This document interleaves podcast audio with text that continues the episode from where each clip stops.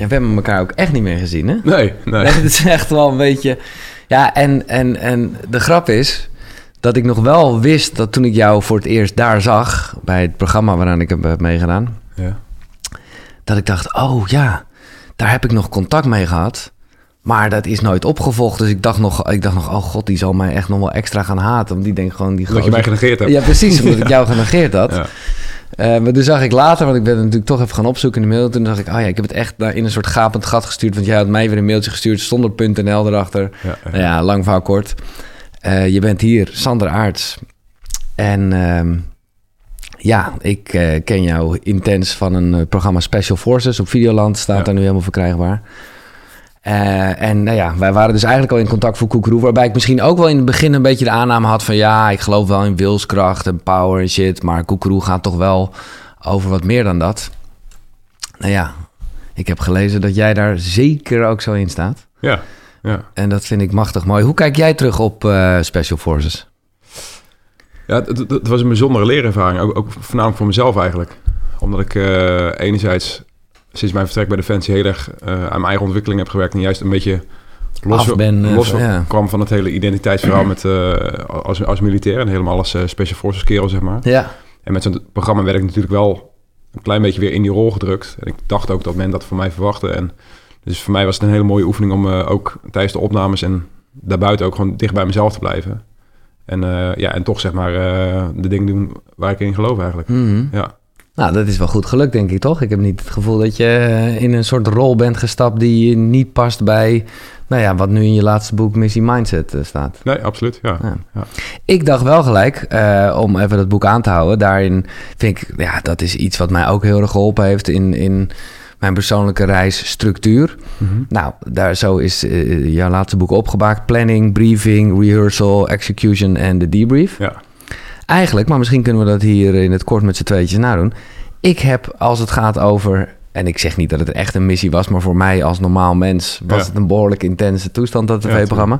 voor de mensen die het niet gezien hebben, ik en een aantal andere bekende pipootjes, die gingen even net doen alsof we bij de Special Forces zaten. En nou, we werden goed aangepakt. Maar de echte debrief hebben we niet gehad. Nee, Eh, dus, eh, maar ik weet niet hoe dat dan eigenlijk eh, daadwerkelijk werkt. Ik weet alleen, dat heb ik van jou geleerd, dat je eerst de lesson identified hebt en dan later heb je de lesson learned. ja.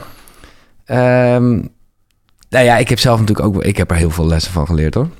Maar of, zou jij als leidinggevende daar iets over kunnen zeggen? Over zo'n debriefproces? Ja, nou ja, vooral concreet als je gewoon even puur naar mij kijkt en dat, dat programma. Na, na, naar jouw rol? Ja, of, moet ik dat, of is het iets dat je dat zelf moet doen? Ik weet niet hoe zo'n debrief werkt, of dat een soort collectief iets is. Of... Nou, normaal gesproken is het inderdaad een onderdeel van een hele operatie. En dan, Ja. eh, dan heb je meerdere fases natuurlijk. En dan eigenlijk het eerste wat je doet na, na, na een intensieve opdracht bijvoorbeeld... is eh, wat wij nu noemen een stukje diffusing. ja. Want als jij echt gelijk vanuit de ratio eh, zeg maar, en helderheid probeert te debriefen en te evalueren... Ja, vaak als je iets heftigs hebt, me- hebt meegemaakt, dan vertroebelt dat een klein beetje je beeld. Dus eigenlijk de eerste stap is dan diffusing. ja, ik heb hem ook opgeschreven hier, want eh, wa- wa- wat is dat, diffusing? Ehm, nou, ik moet zeggen, dat is ook iets van de, van de, van de laatste jaren hoor. Dat, dat we eh, bijvoorbeeld als militair een belevingsintensief in- incident hebben meegemaakt. Dus Mhm. eh, dat kan een ongeluk zijn, maar ook een, een, een schietpartij. Ja, voordat er dan echt een, eh, een gesprek plaatsvindt, dan, ja, dan is het eerst gewoon even praten over eh, wat er gebeurd is op emotioneel gebied, zeg maar. Of Ja. ja. wat er überhaupt gebeurd is, zonder echt operationeel de diepte in te gaan. En dat zorgt, als je op dat eh, gebied het, bespreekbaar maakt, dan heb je eigenlijk de eerste ontlading, diffusing. Dus het haalt een klein beetje de lading van eh, de gebeurtenis af. En daar kun je veel meer vanuit helderheid, gewoon eh, en zonder te veel, te veel emotionele le- lading, gaan bespreken wat er is gebeurd. Dus even concreet, je gaat dan je gaat gewoon eigenlijk eerst even, hoe voel je je gewoon? Is dat het een beetje? Ja, en Ja. wat is gebeurd en wat waren je gedachten erbij? Wat, Ja. wat voelde je erbij? Ja, ja, ja. Nou ja, als we dat nu even in het kort doen. We gaan het niet alleen maar over dit programma hebben hoor. Maar ik- Ja. ik, ik kan niet anders dan eh, met je erover beginnen. Omdat we elkaar daar Ja. nou nooit meer gezien hebben. Nee, ik heb er natuurlijk sowieso een positief gevoel aan overgehouden. Ik heb super geleerd dat je... Ja, wat, wat, wat echt teamwork is. Ja. Dus En, dat en- je, en wat is dat dan? nou, dat is vooral ook, want teamwork klinkt allemaal lekker met z'n allen in eh, group banding en dat is het ook. Maar dat is ook aangeven als je iets niet kan. Ja. En dat is ook let. Dat is gewoon, gewoon nooit alleen voor jezelf gaan. Want je weet gewoon, als jij iets doet, heeft dat effect op de anderen. Dus ja, zie daar ook geen strijd in. Uh, maar met name dat om hulp vragen, dat is mijn eigen grote Ja, les ja. eh, geweest. Ja, het, het mooiste proces vind ik, vond ik nog eigenlijk... eh, weet je nog dat we op een gegeven moment die loodcarry hadden? Echt, Ja. ja. En op een gegeven moment, ik weet niet of je dat nog weet... maar ik, ik- toen vroeg ik aan jou... Op een gegeven moment kwamen, we- kwamen we bij een punt. Ja, Dus aan het begin van die loodcarry was er weerstand... en er werd geschreeuwd en er was ge- gedoe. En, ja, carry, ik leg het even uit. Ja. Het is dat je de hele tijd, eh, jullie gooien dingen uit een Ja. rijdende wagen. Is het hetzelfde als, want ik, kwam af en toe in jouw boek ook Strongman en Roadmap tegen. En ik dacht, eh, of is dan zijn het andere oefeningen? roadwork. Of ja. Roadwork, ja. Ja. Ja, dat, dat is eigenlijk de- hetzelfde, hetzelfde principe inderdaad.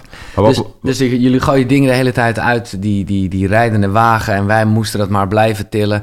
En dan denk je dus, ik kan echt niet meer. ja, Nou, dat is, dat is de 40% regel. ja. Toch? Denk Ja. ik een beetje. Nou, ja, maar het, het gaat eigenlijk dat je op, op een gegeven moment voor- voorbij een punt eh, komt van, van aan het denken. Ja. En eigenlijk, eigenlijk is het een soort, ja, vergelijk met een soort van spiritueel proces. Je, je komt voorbij het ego. Ja. En dan, dan is er overgave. En waar is er een overgave aan? Aan, aan elkaar.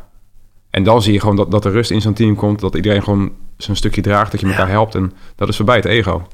Ik heb dat heel erg gevoeld. En, hoe- maar hoe is dat dan, eh, ja, voor jullie en nu voor jou specifiek van afstand? Is dus, ja, blijkbaar, want jij zegt dit nu, heb, zie je dat dus ook gebeuren? Ja, ja. Je, het- het- je, je voelt het bijna. En Ja. dat, dat is zo'n zo'n magisch iets. En daar kun je niet, nooit de vinger op leggen. Je kunt Nee. niet zeggen, oké, over een uurtje zijn we er, weet je wel. Dat, dat, dat ontstaat. En soms ontstaat het ook niet. Eh, maar als je maar genoeg pusht eigenlijk... als, eh, als de situa- situatie maar dusdanig zwaar wordt... ja, dan zie je op een gegeven moment dat, dat de mensen daar voorbij komen. En dan, ja, dat, dat, dat is prachtig om te zien. Ja. Want jij, en dat is ook echt zo, en het, ja, het is echt bijna een soort energieding waar je eerst nog allemaal weerstand en gedoe Ja, en ja. ha, en ineens woef, is er gewoon. Dat is het, ja. ja. Maar jij, eh, jij, sorry, jij wilde daarover een verhaal vertellen. Dat je nog kon herinneren dat je mij daar iets over zei wat ik even niet meer weet. Nou, ik, ik, ik had natuurlijk ook al een paar keer je podcast eh, gezien. En Oh, gaat ook heel vaak over, over het ego. Ja, Maar wat er dan eigenlijk gebeurt met zo'n heel zwaar proces... is dat je eigenlijk een soort van ego-dood krijgt. ja. En dan is het stil. En dan, is er, dan heb je verbinding met elkaar en met jezelf. En dat, ja, dan zit je, ben je voorbij het ego. Dan is het ego even, even tijdelijk uitgeschakeld. Ja, en je hebt, want ik, ik herinner me vaag iets Ja. hoor, maar je, je zit natuurlijk echt in zo'n zo'n Ja. flow of trip. En, en, en dat soort dingen, ja, dat, dat komt natuurlijk niet op camera, weet je wel. Dat is Nee. niet heel eh Nee. SF-Vips-achtig waardig natuurlijk. Maar, Nee. Ja.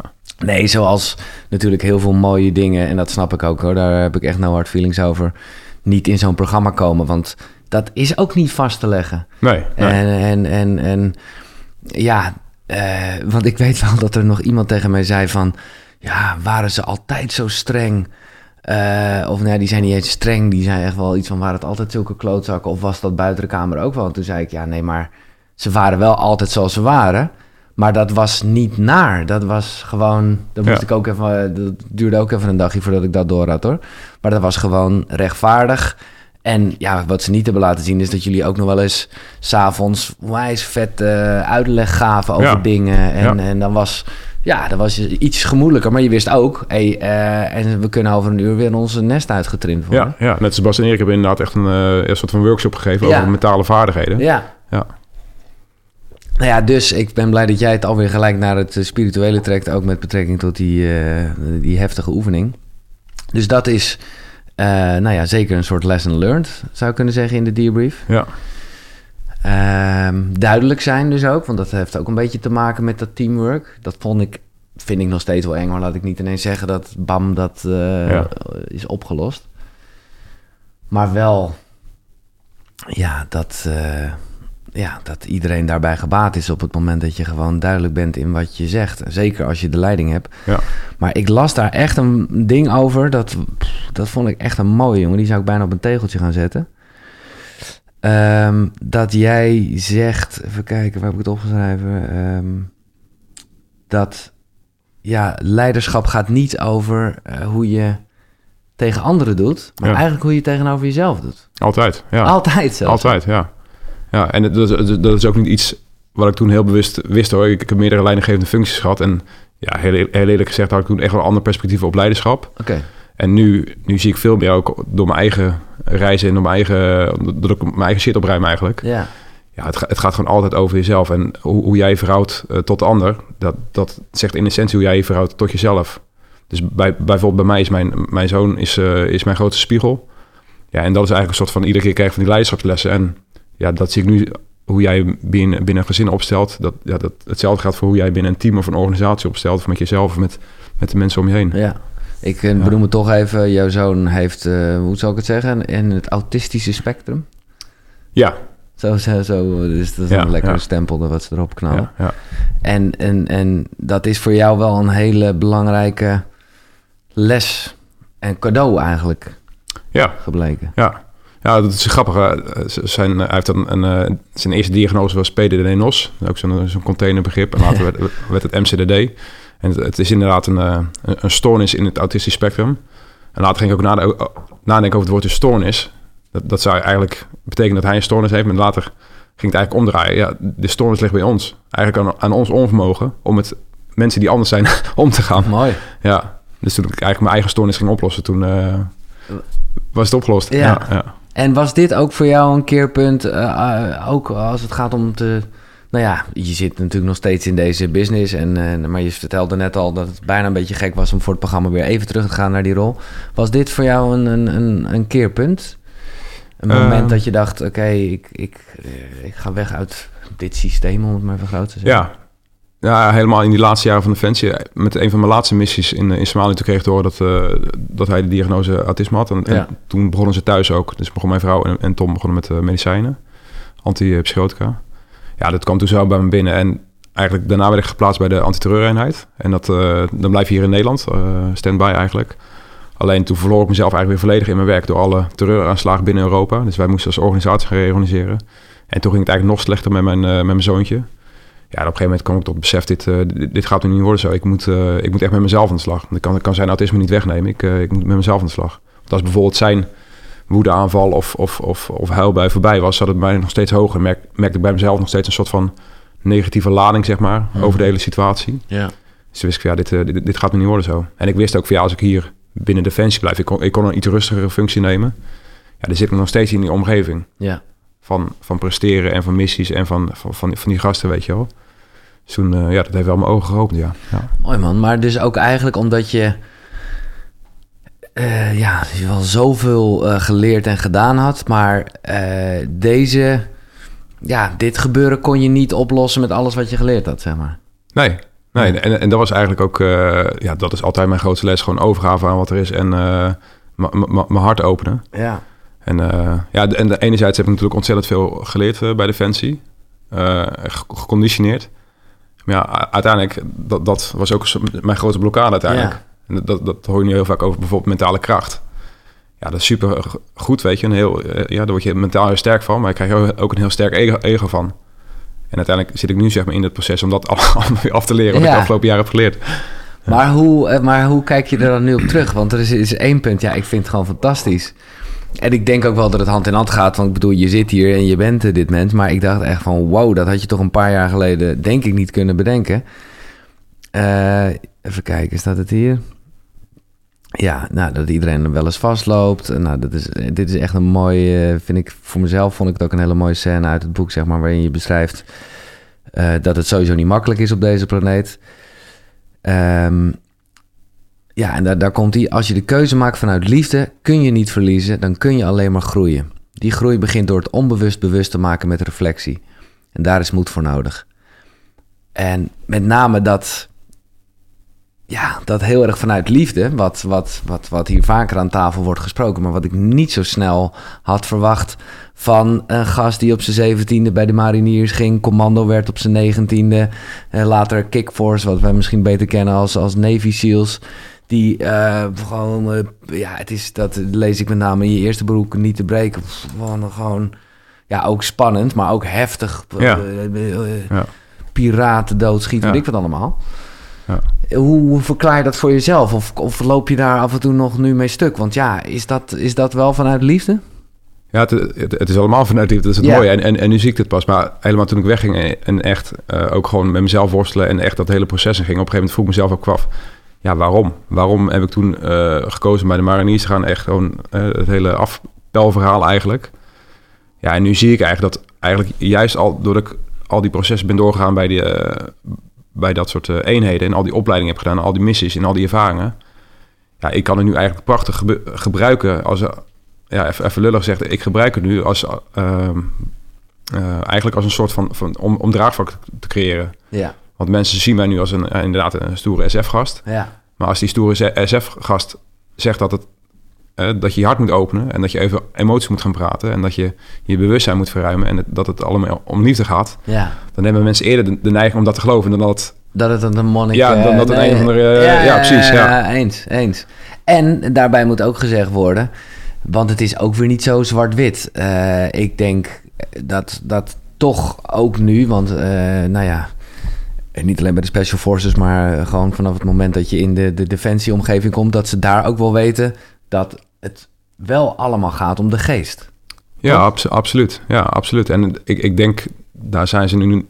Ja, daar, daar kunnen ze nog uh, in, in, groeien, zeg maar. In dat, in dat stukje van de, van de mentale begeleiding, ook emotionele begeleiding. Dat denk ik wel. Maar als je, als je kijkt naar spiritualiteit en uh, dat werk... Ja, meer spiritualiteit ga je niet krijgen als je echt op de, leven, op de grens van leven en dood werkt. Dan, dan is er niks anders dan... Het nu. Het nu, ja. ja. ja. Nee, maar dus ook wel inderdaad ook echt uh, met, met... Ja, ze zullen het allemaal iets anders verwoorden... en er zal misschien geen uh, nieuw age op staan. Maar dingen als ademhaling en zo... ja, dat is toch voor iedereen bij Defensie... Uh, ja, denk ik... van super groot belang om je missie te volbrengen. Ja, ja absoluut. En, en daar zit ook... Dat is ook echt pas een proces van de, van de laatste jaren eigenlijk. Okay, ja. En dat is ook iets... Ehm, ja, nogmaals, wat ik nu ook gewoon gebruik, zeg maar. Bijvoorbeeld bij, uh, met bepaalde procedures, hebben, dat noemen we dan scan and breathe. Ja. Dus eigenlijk als je hebt geschoten, dat je gewoon even om je heen kijkt en, eh, en uh, ademhaalt, gewoon een paar keer. En dat hele principe, dat gebruik ik ook om mensen bewust te maken van... Oké, SF-gasten doen dit, ja. dus ga, ga gewoon aan je ademhaling werken. En, en SF-gasten die doen dat maar een paar keer, maar als je... Ja, er zit, dat weet je natuurlijk ook, er zit zo'n superkracht en zo'n ja, zo'n zo'n potentieel in alleen al je ademhaling. Ja, en dat op deze manier probeer ik dat eigenlijk een beetje te vermarkten. Ja, nee, ja. super. Maar dat, is, dat maakt het ook wel, uh, nou ja, gewoon dat je denkt... oké, het wordt ook echt gebruik, gebruikt in het, in het, in het, in het, in het, in het harde leven, ja. in het echte om leven. Te, om te presteren onder druk, ja. En heb je dan ook nog, want daar heb je het wel over, die kende ik wel een beetje. Daar wordt ook wel vaak de link met, met ik denk dan de Navy SEALs gelegd, weet ik eigenlijk niet. Mm -hmm. Die 4x4... Uh, Boxbreeding, ja. ja. Is dat ook iets wat jij gedaan hebt? Of scan and breathe een soort zoiets? Ja, scan and breathe is echt een, een, een, een, drill, zeg maar, een conditionering. En dat doe je niet heel lang. Gewoon even een paar keer dieper en regelmatig, puur om die eerste stressrespons te, te verzachten. Dus even neem ons even mee in een, in een korte scan and breathe uh, oefening. Dus, dus wij, nou, wat, wat, er eigenlijk gebeurt, uh, de, de, procedure gaat als volgt. Zodra je hebt geschoten, voer je een scan and breathe uit. Dus als ik zeg maar hier deze ruimte binnenval, daar staat een terrorist. Ik, ik schakel de terrorist uit terrorist die is uitgeschakeld. En het eerste wat ik doe eigenlijk is een scan and breathe. Dus je kijkt eerst links en rechts om je heen. Natuurlijk of er nog, nog een meer dreiging is of nog andere terroristen zijn. Ja. Je kijkt links en rechts om je heen om te kijken waar je collega's zijn, dat wil je weten. Maar die scan die doe je ook heel bewust om die tunnelvisie die je op dat moment hebt, omdat je geschoten hebt, te doorbreken. Dus ook die fysiologische ja. doorbreking van de tunnel. En wat doe je met je ademhaling ondertussen? En vervolgens doe je een paar keer dieper en regelmatig ademhalen. Ja. Puur om, om, het, ja, om weer wat zuurstofrijk bloed naar je hersenen te laten gaan. Zodat, je, zodat die prefrontale cortex wordt voorzien van, van, uh, van zuurstof. Ja. Zodat je gewoon iets heldere besluiten kunt nemen. Dus diep, inha diep inhalen. Ja. Wel even vasthouden nog, zoals een beetje die uh, 4 keer Ja, het, het, is niet dat je echt een, een hele uitgebreide ademhalingstechniek doet. Maar het gaat, gaat puur dieper in en je uitademing verlengen. Ja. En met je uitademing verlengen ja, activeer je natuurlijk je parasympathicus. Ja. Waarbij je gewoon een klein beetje rustiger en kalmer kunt reageren. Dus gewoon, dat is even heel kort door de bocht, langer uitademen dan dat je inademt, maar wel... Ja. Ja, ja. ja. Ja, het is wel echt heel grappig om, om op deze heftige momenten... want het is voor mij een hele normaal iets... Uh, hè, de, de, mediteren of bezig zijn met je ademhaling. Maar goed, om daarmee bezig te zijn op het moment... dat je net eventjes naar huis binnenvalt. Ja, Shit. ja, ja of bijvoorbeeld, of, ja, inderdaad, als je weet, oké, okay, hier, binnen zitten terroristen en je, je, je, je plaatst bijvoorbeeld de explosieve lading, ja. ja, dan kun je natuurlijk jezelf helemaal gek maken met de angst die je tegemoet gaat, want je loopt gewoon de dood tegemoet. Maar je kunt dus jezelf ook gewoon even focussen en concentreren door middel van je ademhaling. Ja. ja. Nou, dat is sowieso als het gaat over, over angsten. En dat is, uh, nou ja, misschien heb jij nog wel meer angsten gehad toen je stopte met Defensie. dan, uh, dan in alle heftige situaties waarin je zat. Ja, ja. Is dat zo? Ja, zeker. Ja, ja, zeker. Zo grappig is dat. Ja. Maar dan hebben we het dus even niet met letterlijk onder vuur liggen of gevaar voor leven en dood. En het, het is een andere angst, ja. Het is een andere angst. Het was veel meer de angst voor, voor ja, wat, wat ga ik dan nu doen? Uh, daar heb jij het op een gegeven moment over, ja, moet ik zeggen, pace? Ja, ja. Uh, kan je dat even uitleggen, wat, wat pace-maatregelen zijn? Want dat, dat... Ja, als wij bijvoorbeeld een, een militaire operatie plannen, dan zitten daar zoveel uh, risico's aan vast natuurlijk. Als wij bijvoorbeeld met een, ja, ingezet worden met een onderzeeboot, dan ontsnappen, ontsnappen wij uit die onderzeeboot met een complexe procedure. Ja. Vervolgens gaan we duiken, wat al, allerlei, waar alle, allerlei risico's aan vast zitten. Vervolgens ga je aan boord bijvoorbeeld om, om een gekaapt schip te ontzetten. Nou, daar zitten nog meer risico's aan vast. En wat je eigenlijk gaat doen, en voor die risico's kun je angst lezen eigenlijk. Iedere keer moet je een soort van angst uh, overwinnen.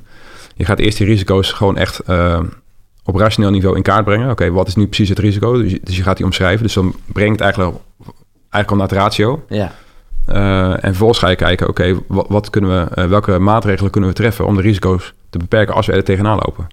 Nou, daar hebben we de, zeg maar, de PACE-maatregelen voor. En dat is primary, primary alt, alternate, alternate, contingency en emergency. En dat zijn eigenlijk vier stappen. Dus als ik, uh, nou, als we bijvoorbeeld hier tegenaan lopen, onze primaire risicomaatregel is dit. Ja. Lukt dat niet, hebben we de alternate. Als dat niet lukt, hebben we de contingency. En als in het allerergste geval hebben we de emergency. Dus even in het dagelijks leven en even dus niet in uh, de extreme onderzeeboot. Maar wij hebben allemaal dat we in ons hoofd heel groot iets kunnen maken. En Ja. denken, oh nee, dat gaat... Dat je gewoon eerst even bedenkt, oké, wat is het ergste dat kan misgaan? Precies, ja. En, en bij- bijvoorbeeld toen ik wegging bij Defensie... Ja, je, je geeft je 21 jaar van je, van je identiteit geef je op eigenlijk. En dat, Ja. was, dat was best een dingetje. Dat begrijp ik goed, en dat zie ik nu ook heel vaak van mensen die bepaalde keuzes willen maken. Ja, ga nu als eerst voor jezelf kijken wat, waar je nu echt tegenaan loopt. Nou, als wij een militaire operatie plannen... hebben we al altijd de most likely en most dangerous course of action. Het allergevaarlijkste wat kan gebeuren. Ja, En als je voor jezelf die gaat omschrijven... oké, wat is nu echt het gevaar... net wat je zegt, het allergevaarlijkste wat kan gebeuren. Als je die in kaart hebt gebracht... dan kun je dan gaan kijken... oké, wat kunnen er tegen gaan doen? En, en als je die, dan die vier stappen voor jezelf uitwerkt... ja, dat geeft zoveel hand, handvatten en richtlijnen... zeg maar, om, ja, om, om het pad gewoon aan te gaan... wat jij Ja. in je hart wilt volgen eigenlijk. ja. Want dus, dus hoe... Want ik vind het wel leuk, dat maakt het voor eh, ons allemaal iets tastbaarder... omdat wij gewoon niet heel vaak eh, uit een onderzeeboot eh, zwemmen. Ja. Dus, dus toen jij een beetje zo zat van... oké, ik, ik, ik wil stoppen met deze baan. Wat, wa- waar, ja, waar kom je dan op? Wat was het meest erge? Ja, maar, heel praktisch is natuurlijk gewoon financieel. Ja, ja, precies. Dus nou, ik, ik, ik had geen vangnet, ik, had, ik heb geen, geen, geen rijke ouders. Ik moest het gewoon echt allemaal zelf doen. Ik had geen, geen bijbaantje of zo. Ik maakte gewoon een harde cut-off en ik, eh, ik, ik was er weg van eigenlijk. Ja, Dus dan ga je voor jezelf gewoon bepaalde maatregelen treffen. Oké, eh, wat als nu de eerste drie maanden ik geen eh, omzet heb? ja, ja. ja. Nou, ik had het eerste jaar bijna geen, geen omzet. Dus, ja, en Dus daar, dan ging je al een beetje naar leven ook. ja, precies. Dus ik ging mijn hypotheek ging ik omzetten. Ik ging alle dure abonnementen gingen, gingen de deur uit. Ik ging ja, gewoon allemaal van dat soort praktische regelen om het gewoon, ja, om eigenlijk de risico's te beperken en Ja. gewoon ook de angsten gewoon te verminderen. En dat heeft, nou, dat heeft geholpen. Ja, ja. En, en dan nog steeds is, is het, ja, ga je, ga je af en toe geconfronteerd, ge- ge- geconfronteerd worden met je angsten. En inmiddels ja, leer je daar ook gewoon een klein beetje meer, eh, met meer compassie mee omgaan eigenlijk. Ja. ja. Nou ja, maar dat geldt een beetje voor, voor, nou ja, dat is denk ik de reis die we allemaal maken. Maar wat ik heel mooi vind, eh, hè, want zelfvertrouwen is natuurlijk wel heel belangrijk. Maar als ik eh, bij jou las ik gewoon eigenlijk dat jij heel veel zelfvertrouwen hebt in het feit dat je onzeker bent. Ja, ja. Ik, ik vind het altijd eh, helemaal als je. Ik, ik werkte echt in een, in een cultuur van alfamannen. Tuurlijk. Ja, E- extreem. ja, En de een nog zelfverzekerd dan de ander. En ik had altijd al zoiets van ja, wat mis ik dan nu? Weet je? Waar- waarom voel ik nog steeds die onzekerheid? Maar helemaal als de omstandigheden echt zwaar waren, en dat heb ik veel, veel meegemaakt, dan zag ik eigenlijk heel vaak dat al die hele zelfverzekerde gasten. Ja, precies. die ging, eh, die En ging als eerste. Voor mezelf heb ik het altijd zo de vraag van ja, waar ben je dan nu echt zo zeker over? Ja. Hè, dat, dat, want heel vaak zie je bij mensen die gelijk een antwoord hebben of gelijk heel directief van dit en dat weet je wel. Maar waar ben je dan echt zo zeker over? En 9 van de 10 keer, ja, die, is het allemaal, zijn het allemaal slechte concepten. Die ze- nou vasthouden. Precies, ja. Ja, ja, ja. Maar kijk, dus dat, dat is natuurlijk wel mooi dat we allemaal zeker kunnen zijn van dat we onzeker zijn. Maar bijvoorbeeld, eh, nou, het feit dat jij, en daar kwam je in het begin tegenaan, toen was je ook nog wel heel jong hè, in, je, in je defensietijd. Maar was je wel inderdaad misschien iets minder zo'n alfamannetje en heel erg introvert, als je het zo mag noemen. Ja, ja. Ehm, ja, hoe omarm je een, een eigenschap waar je wel, ja, waar je toch zelf wel de behoefte aan hebt om daar veranderingen aan te brengen? En waarom wil je daar veranderingen brengen? Ja, dat weet ik ook niet. Maar ik kan me toch ook voorstellen dat jij dat wilde. En, en ik denk... Toen wel. Ja. ja. En, en nu inmiddels, die, die, onzekerheid... Het is niet dat ik nu een heel andere persoon ben. En nu zie ik die, die onzekerheid. Dat zorgt er juist voor dat ik een bepaalde mate van nederigheid hou... Uh, richting het leven, richting de dingen die gebeuren. Dat ik uh, veel beter eigenlijk... Uh, hoe zeg je dat? Rapport kan maken met, met mensen. Want wat je vaak ook ziet, dat mensen die heel erg zeker zijn, die hebben best wel snel een oordeel. Dus ook over de ander. Dus ja. Ja, ja, ja. Maar dat is wel dus een proces geweest dat je...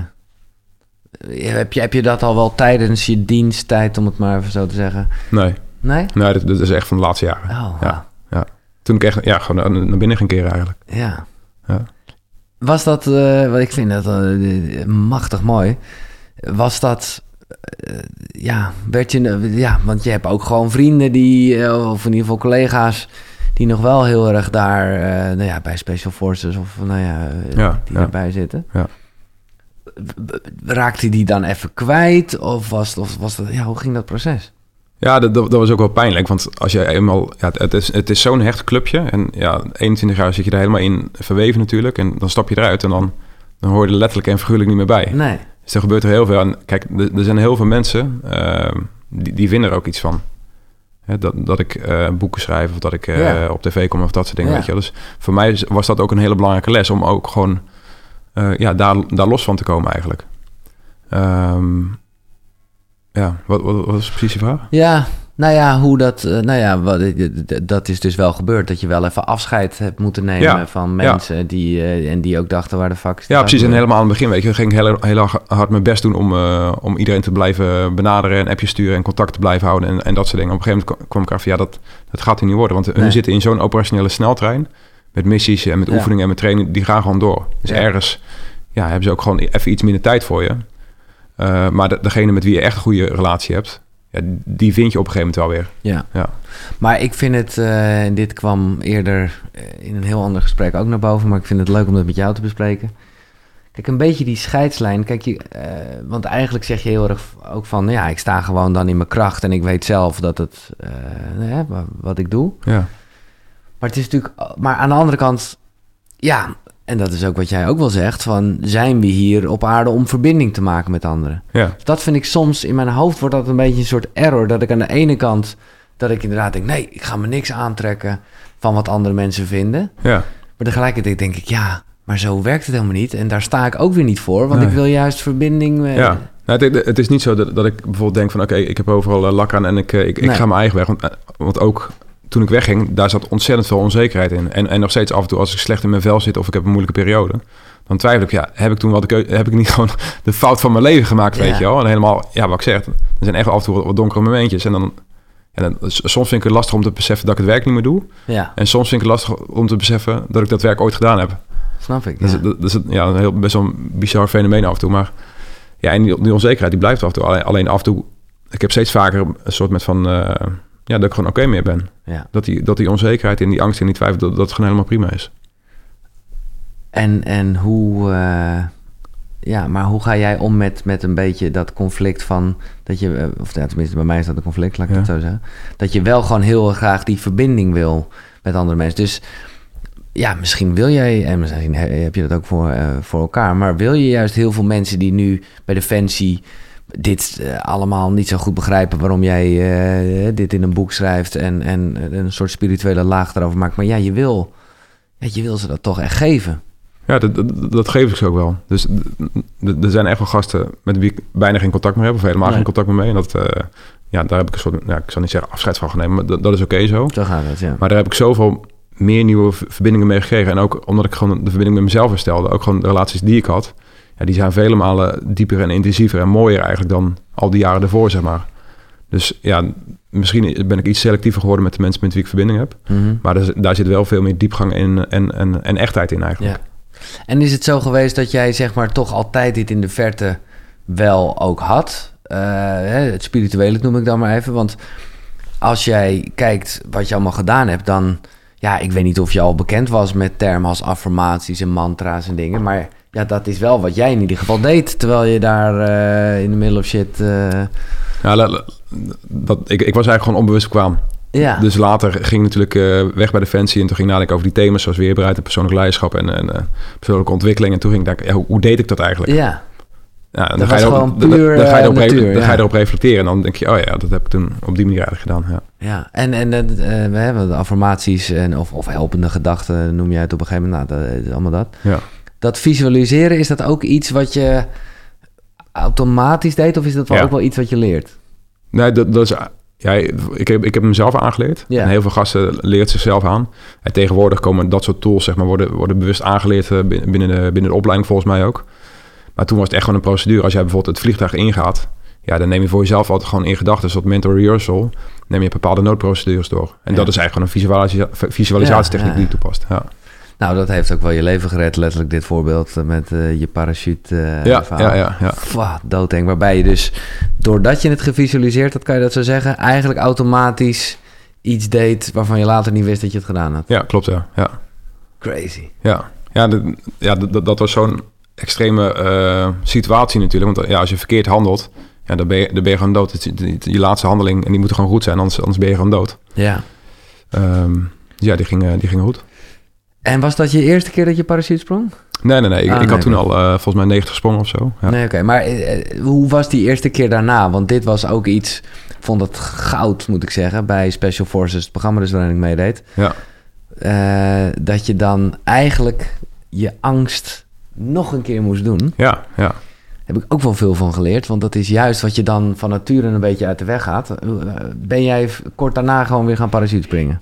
Ja, daar zat wel wat tijd overheen. En achteraf gezien, het liefst pak je die gelijk eh, dezelfde dag nog. Dat je gelijk weer alleen moest naar het ziekenhuis ja, worden, worden gebracht. Was, ja, uh, ja. ja Dus daar ging wel wat tijd overheen. Maar uh, dat zie je van mensen denken vaak, ja, als je voor de tweede keer iets spannends doet, dan is het makkelijker. Maar het is veel enger eigenlijk, omdat je gewoon weet wat je te wachten staat. En ja, dat soort situaties. En bijvoorbeeld uh, nou, met, met S-Vips gebruik ik natuurlijk ook het, de metafoor van, van het vuurgevecht. Ja. ja. Daar heb ik zelf ook al meegemaakt. Dat het bijvoorbeeld één keer in, in een hinderlaag vaarde. Ja, en diezelfde dag moesten we eigenlijk nog terug eigenlijk naar, naar diezelfde locatie. Ja, dan, dan wordt het pas echt spannend. Ja. ja.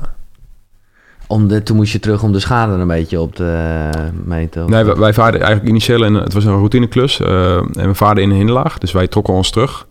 En later uh, ja, kregen, we, kregen we eigenlijk de opdracht om een bevrijdingsactie uit te voeren. Dus er zaten daar piraten aan boord die, die ons hadden beschoten. Maar die piraten die hielden ook 16 eh, bemanningsleden gegijzeld. Mm -hmm. Dus wij moesten eigenlijk voor de tweede keer die dag uh, die kant op. Ja.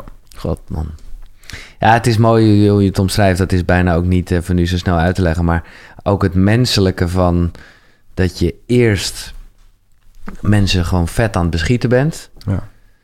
En uh, uiteindelijk op het moment dat je dan uh, dus even gaat kijken op het schip uh, wat er nog is, dan, dan ineens dan ben je juist de hulpverlener. Ja. Die, en, en dan blijkt er ook kinderen bij te zitten. Dat is toch. Ja, wat is, wat is de kracht van hoe, hoe kan je zo switchen? Ja, dat, dat, dat is echt training. Ja. ja, dat is echt training. En helemaal als, als, als leidinggevende, dan, dan moet je echt zorgen dat je daar een klein beetje, uh, ja, verlullig gezegd, afstandelijk naar kijkt. Want anders, anders verlies je zelf natuurlijk en dan kun je geen leiding meer geven. En het is ook gewoon zaak dat je je mannen blijft controleren. Dat zij zich niet te veel in de adrenaline mee laten slepen. En bijvoorbeeld die piraten slecht, uh, slecht behandelen. Ja. Maar dat is echt gewoon training en uh, ja, heel veel training. Mooi. Ik ben heel benieuwd naar de boeken die je hebt meegenomen. Want dat, dat kan van alles zijn. Dat kunnen hele technische boeken zijn. Ja, ja. Uh, of hele spirituele boeken. Dus ja. in willekeurige volgorde, tenminste, maakt mij niet uit. Maar, ja, je, je, je, gaf me wel een soort van keuzestress. Want ja. ik, had, ik, had, heel veel boeken uitgeleend eigenlijk. Dus, uh, Oké, okay, nou, het is zo, uh, ja, maar, maar je het, wat je het, wil. Het, het moest zo, zo zijn eigenlijk. Ik, ik kwam deze vanmorgen, ja, vanmorgen uitgekozen eigenlijk. Of ja, kwam eens tegen. Ehm, de eerste is ja, wel echt een, een, boek vanuit mijn achtergrond. Dat is On Combat. Oké. Okay. En dat gaat heel erg over ja, wat er fysiologisch en psychologisch gebeurt, zeg maar, onder de meest extreme omstandigheden. Dus als je echt beschoten wordt of jij moet op, op mensen schieten, zeg maar. En voor mij is dit helemaal in mijn laatste tijd bij Defensie... Uh, ja, ik, ik, vind eigenlijk dat het verplichte lectuur zou moeten zijn voor, uh, of literatuur voor, uh, voor militairen. Maar hij heeft heel veel inzicht gegeven in wat ik allemaal heb meegemaakt en wat me, met mij heeft gedaan. En wat er dan op fysiologisch en psychologisch niveau ja, gebeurt. Dus even dus, dus wat er met je ademhaling gebeurt, maar ook hoe het in je hersenen helemaal werkt, wat als er ja. stress is en zo. Ja, ja. en bijvoorbeeld een van de interessante dingen, dat gaat over perceptuele verstoringen onder stress. En dat is niet alleen uh, tunnelvisie of, uh, of, of audioblok, maar je hebt bijvoorbeeld ook geheugenverlies, geheugenverstoringen. je tijdsperceptie wordt anders. dus je, dat je dingen in slow motion ervaart. Dat je dingen in fast time wordt ervaart. Of bijvoorbeeld intrusieve gedachten of dissociaties. Ja. En ik zat het te lezen en ik kon eigenlijk alles kon ik zo terug. Daar had ik wel een keertje ervaren eigenlijk. Dus voor mij was het een hele... Ja, ja, ik vind dat, uh, ik had daar nog nooit van gehoord, die intrusieve gedachten. Ja. Dus dan, hè, jij omschrijft het uh, over hoe je toen, als ik me niet vergis, als, als, als sniper ja. aan het werk was.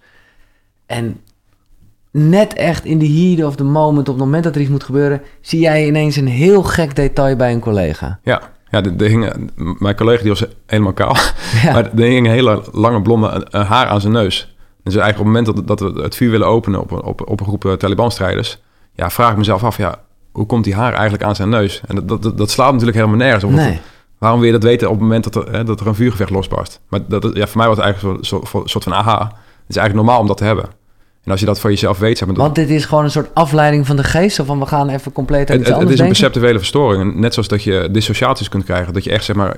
Ja, als het ware een soort van eh, uit lichaamstraining krijgt... Ja. en je jezelf ziet. Ja. Ja, dat, dat zijn gewoon... Uh, ja, ze hebben daar een aantal percentages... Ze hebben daar onderzoek naar gedaan. En dat gebeurt gewoon in, in heel veel gevallen... onder extreme omstandigheden. Ja. Wauw.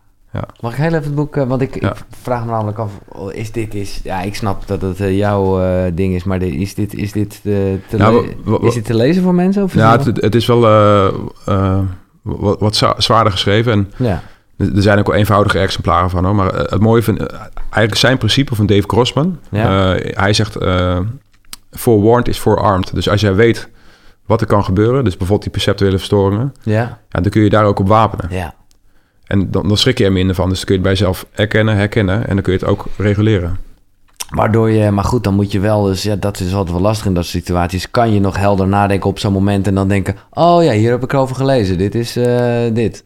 Dat is de vraag. Ja, dat, Ja, ja. Maar goed, kennis is dan wel Ja. al iets... In Maar helemaal als je dat meeneemt in je training, Ja. dan is de kans wel groter dat je het op moment suprem wel uh, doet. En dit is dus wel echt een boek waar je ook echt uh, al mee bezig was, terwijl je nog vol. Uh... Ja, op, ik, ik, heb altijd wel veel gelezen, altijd veel. Uh, ja, gewoon willen ontwikkelen als militair ook. Zeg maar. Ja. Op een gegeven moment in mijn laatste, ja, ergens weet ik, vijf jaar voordat ik wegging, kwam ik dit boek tegen. Ja. Nou, toen heb ik bijvoorbeeld ook uh, gewoon presentaties over gegeven binnen de eenheid, om gewoon dat meer mensen meer bewust te maken. Ook, ook in het stukje PTSS bijvoorbeeld. Ja, daar valt ook nog heel veel winst in te behalen als je mensen daar uh, goed in begeleidt, zeg maar. En Ja. daar misschien ook iets meer in wapent. Want dat is op het moment dat je, nou ja, eigenlijk uh, een, een, een trauma overhoudt aan een uitzending of een Ja. missie of Ja. wat dan ook. Ja. Maar ergens, en ik merkte ook dat jij daar natuurlijk heel bang voor was, maar het is ook maar weer een labeltje, want ergens, ja, even flauw gezegd, je houdt toch overal een trauma aan over. En dan, en dat klinkt nu misschien heel dramatisch, maar dat is, ik bedoel, alles heeft toch gewoon Ja. een effectje. Ja, absoluut. Eh, Helemaal toen ik wegging, nou, het, was, het was niet dat ik heel bang was voor PTSS, maar ik heb zoveel, ja, ook gewoon heftige momenten meegemaakt, dat ik mezelf af en toe echt wel afvroeg, ja, waarom, waarom heb ik dat niet? Nee. waarom heb ik dat niet, weet je? Dan hoor je af en toe uh, schrijnende verhalen van jongens die wel PTSS hebben. Ja, Ja, dan, dan kijk ik naar mijn eigen carrière en de situatie waarin ik in, in heb gezeten en denk van ja, ik heb minstens uh, net, net zulke heftige absoluut. Situaties. jij hebt uh, de, de, de best getrainde militair van, uh, van Nederland, ja. En als, als, en als ik dan kijk, hè, wat, je zegt, uh, ook nou, namelijk een defense carrière veel van, van, van, die, van die spirituele reizen gemaakt. Dan denk Ja. je, nou, dan komt dat soort shit komt allemaal naar boven. Maar helemaal niks. Nee? Gaan alleen maar dingen uit, uit, uit mijn jeugd of uh, de, ja. Dus die beschadiging is, ja, we zijn inderdaad al gewoon een beetje, een beetje beschadigd. Ja, En uh, ja, de vraag is natuurlijk, wat doe je ermee? ja. Maar ergens, maar dat geldt voor alles hoor. Dat geldt niet alleen voor mensen bij Defensie, anders dan heb ik daar een soort waarde over. Maar je hebt toch ook wel wat nodig dat je een beetje, uh, ja, ja, dat je in ieder geval heel erg de behoefte voelt om iets te laten zien, bijvoorbeeld. Ik denk dat wij delen, en misschien is dat, uh, ik denk dat heel veel mensen dat delen, dat er een soort drive is geweest, of nog steeds, als ik voor mezelf kijk, is die er nog steeds in ieder geval van, hè, dat je, ben ik nou wel goed genoeg? Um, ja, daardoor, hè, doordat, dat heb je vertel, verteld in je boek, dat jij dat ook ieder geval hebt gehad. Ja, daardoor heb je dit wel allemaal kunnen doen. Absoluut, ja. Ja. ja. Het heeft me ontzettend veel ge gebracht. En ja, alleen ik, ik, nou, ook die hele ontwikkeling van, van, van mijn ego, ja, dat heeft me ontzettend veel gebracht. Ja. Alleen ik laat me er nu iets minder door leiden. En nu is het steeds meer dat ik gewoon hand in hand ga. En ik moet hem af en toe een soort van kluif geven om wat te doen. En dan, ja, ja, dan is het oké, weet je wel. Alleen nu, nu, probeer ik het op een iets productievere of, uh, manier in te zetten. Dus bijvoorbeeld om andere mensen te helpen met training en dat soort dingen. Ja, mooi. Oké, okay, On Combat. Dat is de eerste. En dan... Het, tweede is uh, een boek Legacy. En dat, ik, ik heb zelf in mijn jeugd gerugbied.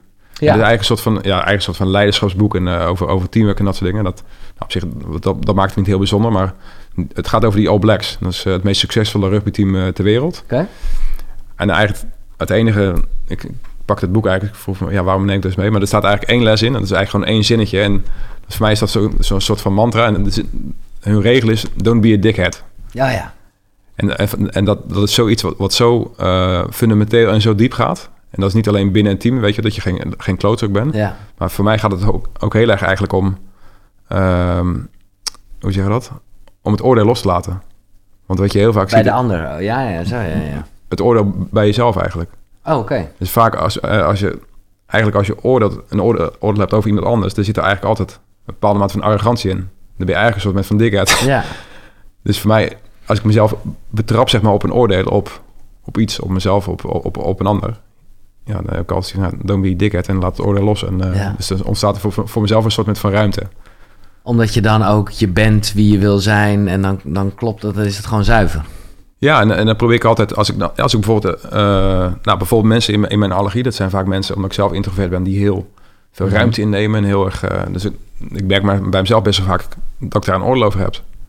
Maar vaak onder dat, je eigen. Ja, maar vaak onder dat gedrag, dus is, daar zit altijd weer, daar zit ook vaak een angst of iets dergelijks. Zij doen het ook met een reden, dus dan probeer ik eigenlijk don't be a dickhead. En gewoon voorbij het gedrag te kijken. En, ja. en dan zie je, daar, ja, daar vind je weer de verbinding. Dan, zie je, dan vind je elkaar weer in de menselijkheid. Maar het is natuurlijk, maar ik snap je helemaal. En ik, dat is ook precies um, wat ik zo mooi vond. Terwijl ik in, in eerste instantie natuurlijk... Of ja, natuurlijk, ik kon gewoon uh, niet zo goed omgaan met autoriteit. En nou ja, hè, als ik even kijk naar die Special Forces... Maar ik voelde al vrij snel dat dat dus inderdaad echt de lijn is... van fucking streng en... en ja, ook wel dat je denkt, god, omdat je gewoon... Maar ja, je weet wel, ik heb, we hebben zelf hebben het niet voor elkaar, dus we moeten hier ja. uh, voorlichtsteun en weet ik wat voor uh, ja, vreselijke dingen allemaal doen. Maar ja, het is dan een dunne lijn om te denken, ah, wat een dikheid, maar dat was het dus niet. Ja, maar ja, ik, ik weet dat jij, wat is dan het verschil tussen... Nou ja, uh, zoals jij en, en misschien had Erik, uh, voor de mensen die het gezien hebben, nog helemaal wel ietsjes meer die rol. Uh, maar wat is het verschil tussen zo'n gast en bijvoorbeeld, nou ja, een, een, een Charlie die jij hebt meegemaakt in je vroege carrière, waarbij je echt wel wist, zo moet het niet zijn. Want dat is, dat is heel dun, toch? Ja, nou, het, kijk, het, het, grote verschil bijvoorbeeld met, met zo'n tv-programma, bijvoorbeeld met, met, met Erik's rol of met mijn rol, ja. met, met Bas' rol of Dieven Mitchell, is dat wij zeg maar onze, onze houding ook als een middel inzetten om iets in beweging te brengen. Ja. Bij jullie. Ja. En dus bij, daar ben je dan gewoon zelf bewust van, dus dan... Ja, ja, ja. Daar zet ik het bewust in. En bijvoorbeeld uh, bij die leidinggevende, bij, bij die Charlie... Ja, achteraf gezien leidde hij vanuit angst. Dus hij had van zichzelf een bepaalde uh, kopingsmechanismes ontwikkeld, zeg maar. Heel erg extreem directief, extreem uh, straffen en dat soort dingen. Ja. En dat was puur vanuit, vanuit angst, vanuit hem. Ja. Dus hij werd geleid door zijn angst in plaats van dat hij andere mensen proberen te leiden. Maar dat is dus wel mooi ook wat je zegt net over uh, oordelen en zo. Dus op het moment dat mensen gewoon fucking high relax doen, dan moet je gewoon vooral denken. Maar ja, goed, dan heb je er ook weer gelijk een soort oordeel over. Maar dat je dat dat vooral bij hunzelf ligt. Nou, ik, ik, probeer voor mezelf, als ik, als ik mezelf daarop betrap, is om eigenlijk om niet te denken en om te gaan kijken. Om te observeren. En da, vaak als je maar goed genoeg observeert, dan ga je even voorbij kijken. Ja. Tenminste, dat, dat is mijn ja. Uh, ervaring. En je ging toch ook met een rugbymaatje, ben je een beetje begonnen, toch? Is, zit die er nog in? Of, uh, in de... ja, die, die heb ik al heel lang niet gezien. Ah, nee, nee, okay. nee, toen we echt voor de eerste de mariniersopleiding en de commandoopleiding hebben we samen gedaan. Ja. En uiteindelijk uh, ja, zijn onze wegen ergens uit elkaar gegaan. Ah, oké. Okay. Ja. Nou, ik hoop toch wel dat hij nog met veel plezier ja. de rest van jouw reis leest. Want Kijk, daar hebben we het nu hier helemaal niet over. En dat zit ook misschien ietsjes meer in niet te breken. Maar dat is het mooie hoe jij het ook in, in je laatste Missie Mindset boek teruggrijpt. Uh, het is, uh, ja, het is, er zit ook nog wel een jongetje in mij. Ja. Het, is, het, is, het, is, het is een fantastisch verhaal. Ja. Maar ik vind met name mooi hoe, uh, ja, hoe je de lessen er nu en toen al ook een beetje uitpikt. Heel erg over, nou ja, dat hoor ik je eigenlijk al een paar keer zeggen. Dat je zelf, nou ja, de, de, de belangrijkste mentor ben je zelf. Ja, ja. En dat, dat, dat vond ik ergens ook het mooie, zeg maar, ook bijvoorbeeld met die, met die ondervragingen. Ja. Als je dan bepaalde vragen stelt, bijvoorbeeld met, uh, ik, ik vond met Loren vond ik het wel een mooi voorbeeld eigenlijk. Ja. Dat was niet dat ik dat vanuit een bepaalde autoriteit zijn, maar dat is puur vanuit herkenbaarheid. Ja. En dat, dat, dat zij zeg maar meer aan zichzelf moest gaan werken, dat, dat stukje zelfliefde. Ja, ik herken het gewoon, weet je, dus ja. dan kun je het ook benoemen. Even, ja. ja. dat is ook zo, ja. Ja, ja. mooi man. Uh, Oké, derde boek. derde boek is de, uh, de Bhagavad Gita. Uh, dat ken ik niet. Echt niet? Nee. Maar het is wel, het, het voelt heel erg... Uh... Nee, ik had eigenlijk wel een klein beetje verwacht. Ja? Oh nee, maar dat, dit is... Uh... Ja. Oh ja, ja, ja. Nee, maar ik heb wel... als ik dat van die Japanese heads en zo... Daar heb ik wel nog andere boeken over. Ja. Maar wanneer las je dit boek en wat heeft het je gegeven? Um, nou, die moesten wij lezen in de yoga teacheropleiding. Ja, precies. ja, als, als verplichte, verplichte lectuur, zeg maar. En toen ik vanmorgen dit boek pakte, had ik zoiets van... Ja, wie ben ik eigenlijk om, om iets over dit boek te gaan vertellen? Weet je, ik weet er veel te weinig af. En waarschijnlijk allerlei yogis die, die, die, die, vinden daar nu wat van. Maar ja, het boek gaat eigenlijk over, uh, over uh, Arjuna... die in gesprek gaat met, met Krishna. En Krishna is eigenlijk, ja, is, is eigenlijk God. Ja. Um, en bij mij eigenlijk helemaal met de laatste jaren... met al die, ook met de spirituele reizen. Ja. ja het, het gaat ook vooral eigenlijk om het gesprek met jezelf... en het onthechten. Het loskomen, met, uh, loskomen van je identiteit eigenlijk. Dus eigenlijk voor beide de vorm en de naam eh, gaan kijken. Uh, ja, en, en eigenlijk ook om je het stukje overgave. Ja. Overgave aan het leven, overgave aan, aan de liefde. Nou, van, van de drie die je noemt, denk ik dat ik deze zelf inderdaad ga lezen. Ja. En ik vind het ook heel mooi, want daarmee ja, is, is, uh, ja, in een noodrop is het wel een beetje jouw leven ook, zou je kunnen zeggen. Ja, ja. ja op de een of andere manier, ik, ik, ja, ik zat er best wel, oké, ik heel vanuit de ratio, oké, welke boeken ga ik pakken? Ja, en, en, je had natuurlijk heel erg ook wel de kracht van het nu en Eckhart Tolle. Jawel, ja. Natuurlijk, maar ja. ik vind dit heel mooi. En ben je nog steeds, uh, ja, hoe, hoe doe je nog steeds veel yoga? Um, nou, niet, niet heel veel of zo. Ik, ik heb die opleiding meer gedaan eigenlijk voor, voor mijn eigen ontwikkeling. Ja. Want uh, ik, ik, deed wel aan yoga en op een gegeven moment merkte ik van... ik had een oordeel over yoga. Nee, dus toen ben ik, maar de, orde, de, de opleiding gaan doen. en dat was uh, ja, een super mooie, super mooie Ja, maar dit is wel even... Jij zegt dit nu in een soort zinnetje, maar dit is gewoon wel een goede les. Jij zegt dus eigenlijk, oké, ik voel daar weerstand, dus ik moet er iets mee. Ja, ja. En dat, is met, dat was met yoga, dat is met, uh, met boeken, dat is met gesprekken, dat is met, met, met psychedelica, dat is met... Ja. ja als ik ergens zoiets heb van oké, dan zit er waarschijnlijk een angst bij mezelf. Ja. Nou, ga het, eens, ga het eens bekijken. Ja. Oh, sorry, ik onderbreek eventjes uh, dit fijne gesprek. Maar dat is vanwege iets dat met boeken te maken heeft. En ja, ik hou van boeken. Ik hou van verhalen. Van lezen, maar ook van luisteren. Vooral als je onderweg bent of gewoon, uh, nou ja, weet ik veel wat aan het doen bent. En ik heb nu iets stof met de vrienden van Next Story. Daar vind je echt op die site, jongen, 300.000 boeken. Dus ook zeker de boeken die net besproken zijn. En ik mag je nu, en dat is echt wel een toffe actie 50 dagen gratis aanbieden. Ja, die gasten die geloven gewoon wel uh, in zichzelf. Dus die denken, oké, dan hebben we ze. Maar dat kan je echt even checken. Uh, ga naar koekeroe.nl slash boekenkast. Daar vind je sowieso alle boeken die besproken zijn uh, nou in de afgelopen afleveringen. En daar vind je dus ook een link. En via die link kan je 50 dagen gratis Nextory gebruiken. Check het, koekeroe.nl slash boekenkast. Nee, dat is inderdaad ook wel goed om te vertellen. Want nu ben je gewoon uh, veel gevraagd spreker en, en, en zit je hier. Maar dat was, dat was juist in eerste instantie... Nee. Ja, je, had, je, had, je, had, liever uh, ergens in een linie gelegen, zeg maar. Dan ja. weet je wat je moest doen. Ja, absoluut. Ja, vet. En oh, jij noemt dat spirituele reizen, wat ik heel tof vond. Want dat, ja, in hoeverre ik echt een lijstje heb met dingen, maar dat staat zeker wel op mijn lijstje. Bufo heet het, geloof ik, toch? Dat, uh, ja, Bufo Varius. Ja. ja. En dat is gewoon, of vraag gewoon, dat is toch gewoon dat je helemaal leeg loopt, echt? Of is dat weer wat anders? Nou, het, het is... Uh, het is een kikker? Het is een pad. Het is een pad, ja. Ja, een Buffavaris pad. En die, uh, ja, voor mij één keer in het jaar uh, heeft hij een bepaalde trek. En dan, dan, alleen dan komt hij uit zijn en kunnen ze hem vangen, zeg maar. En dan, ja. dan schrapen ze dat gift eraf. En dat, nou, uiteindelijk, dat, dat gift, het rook je.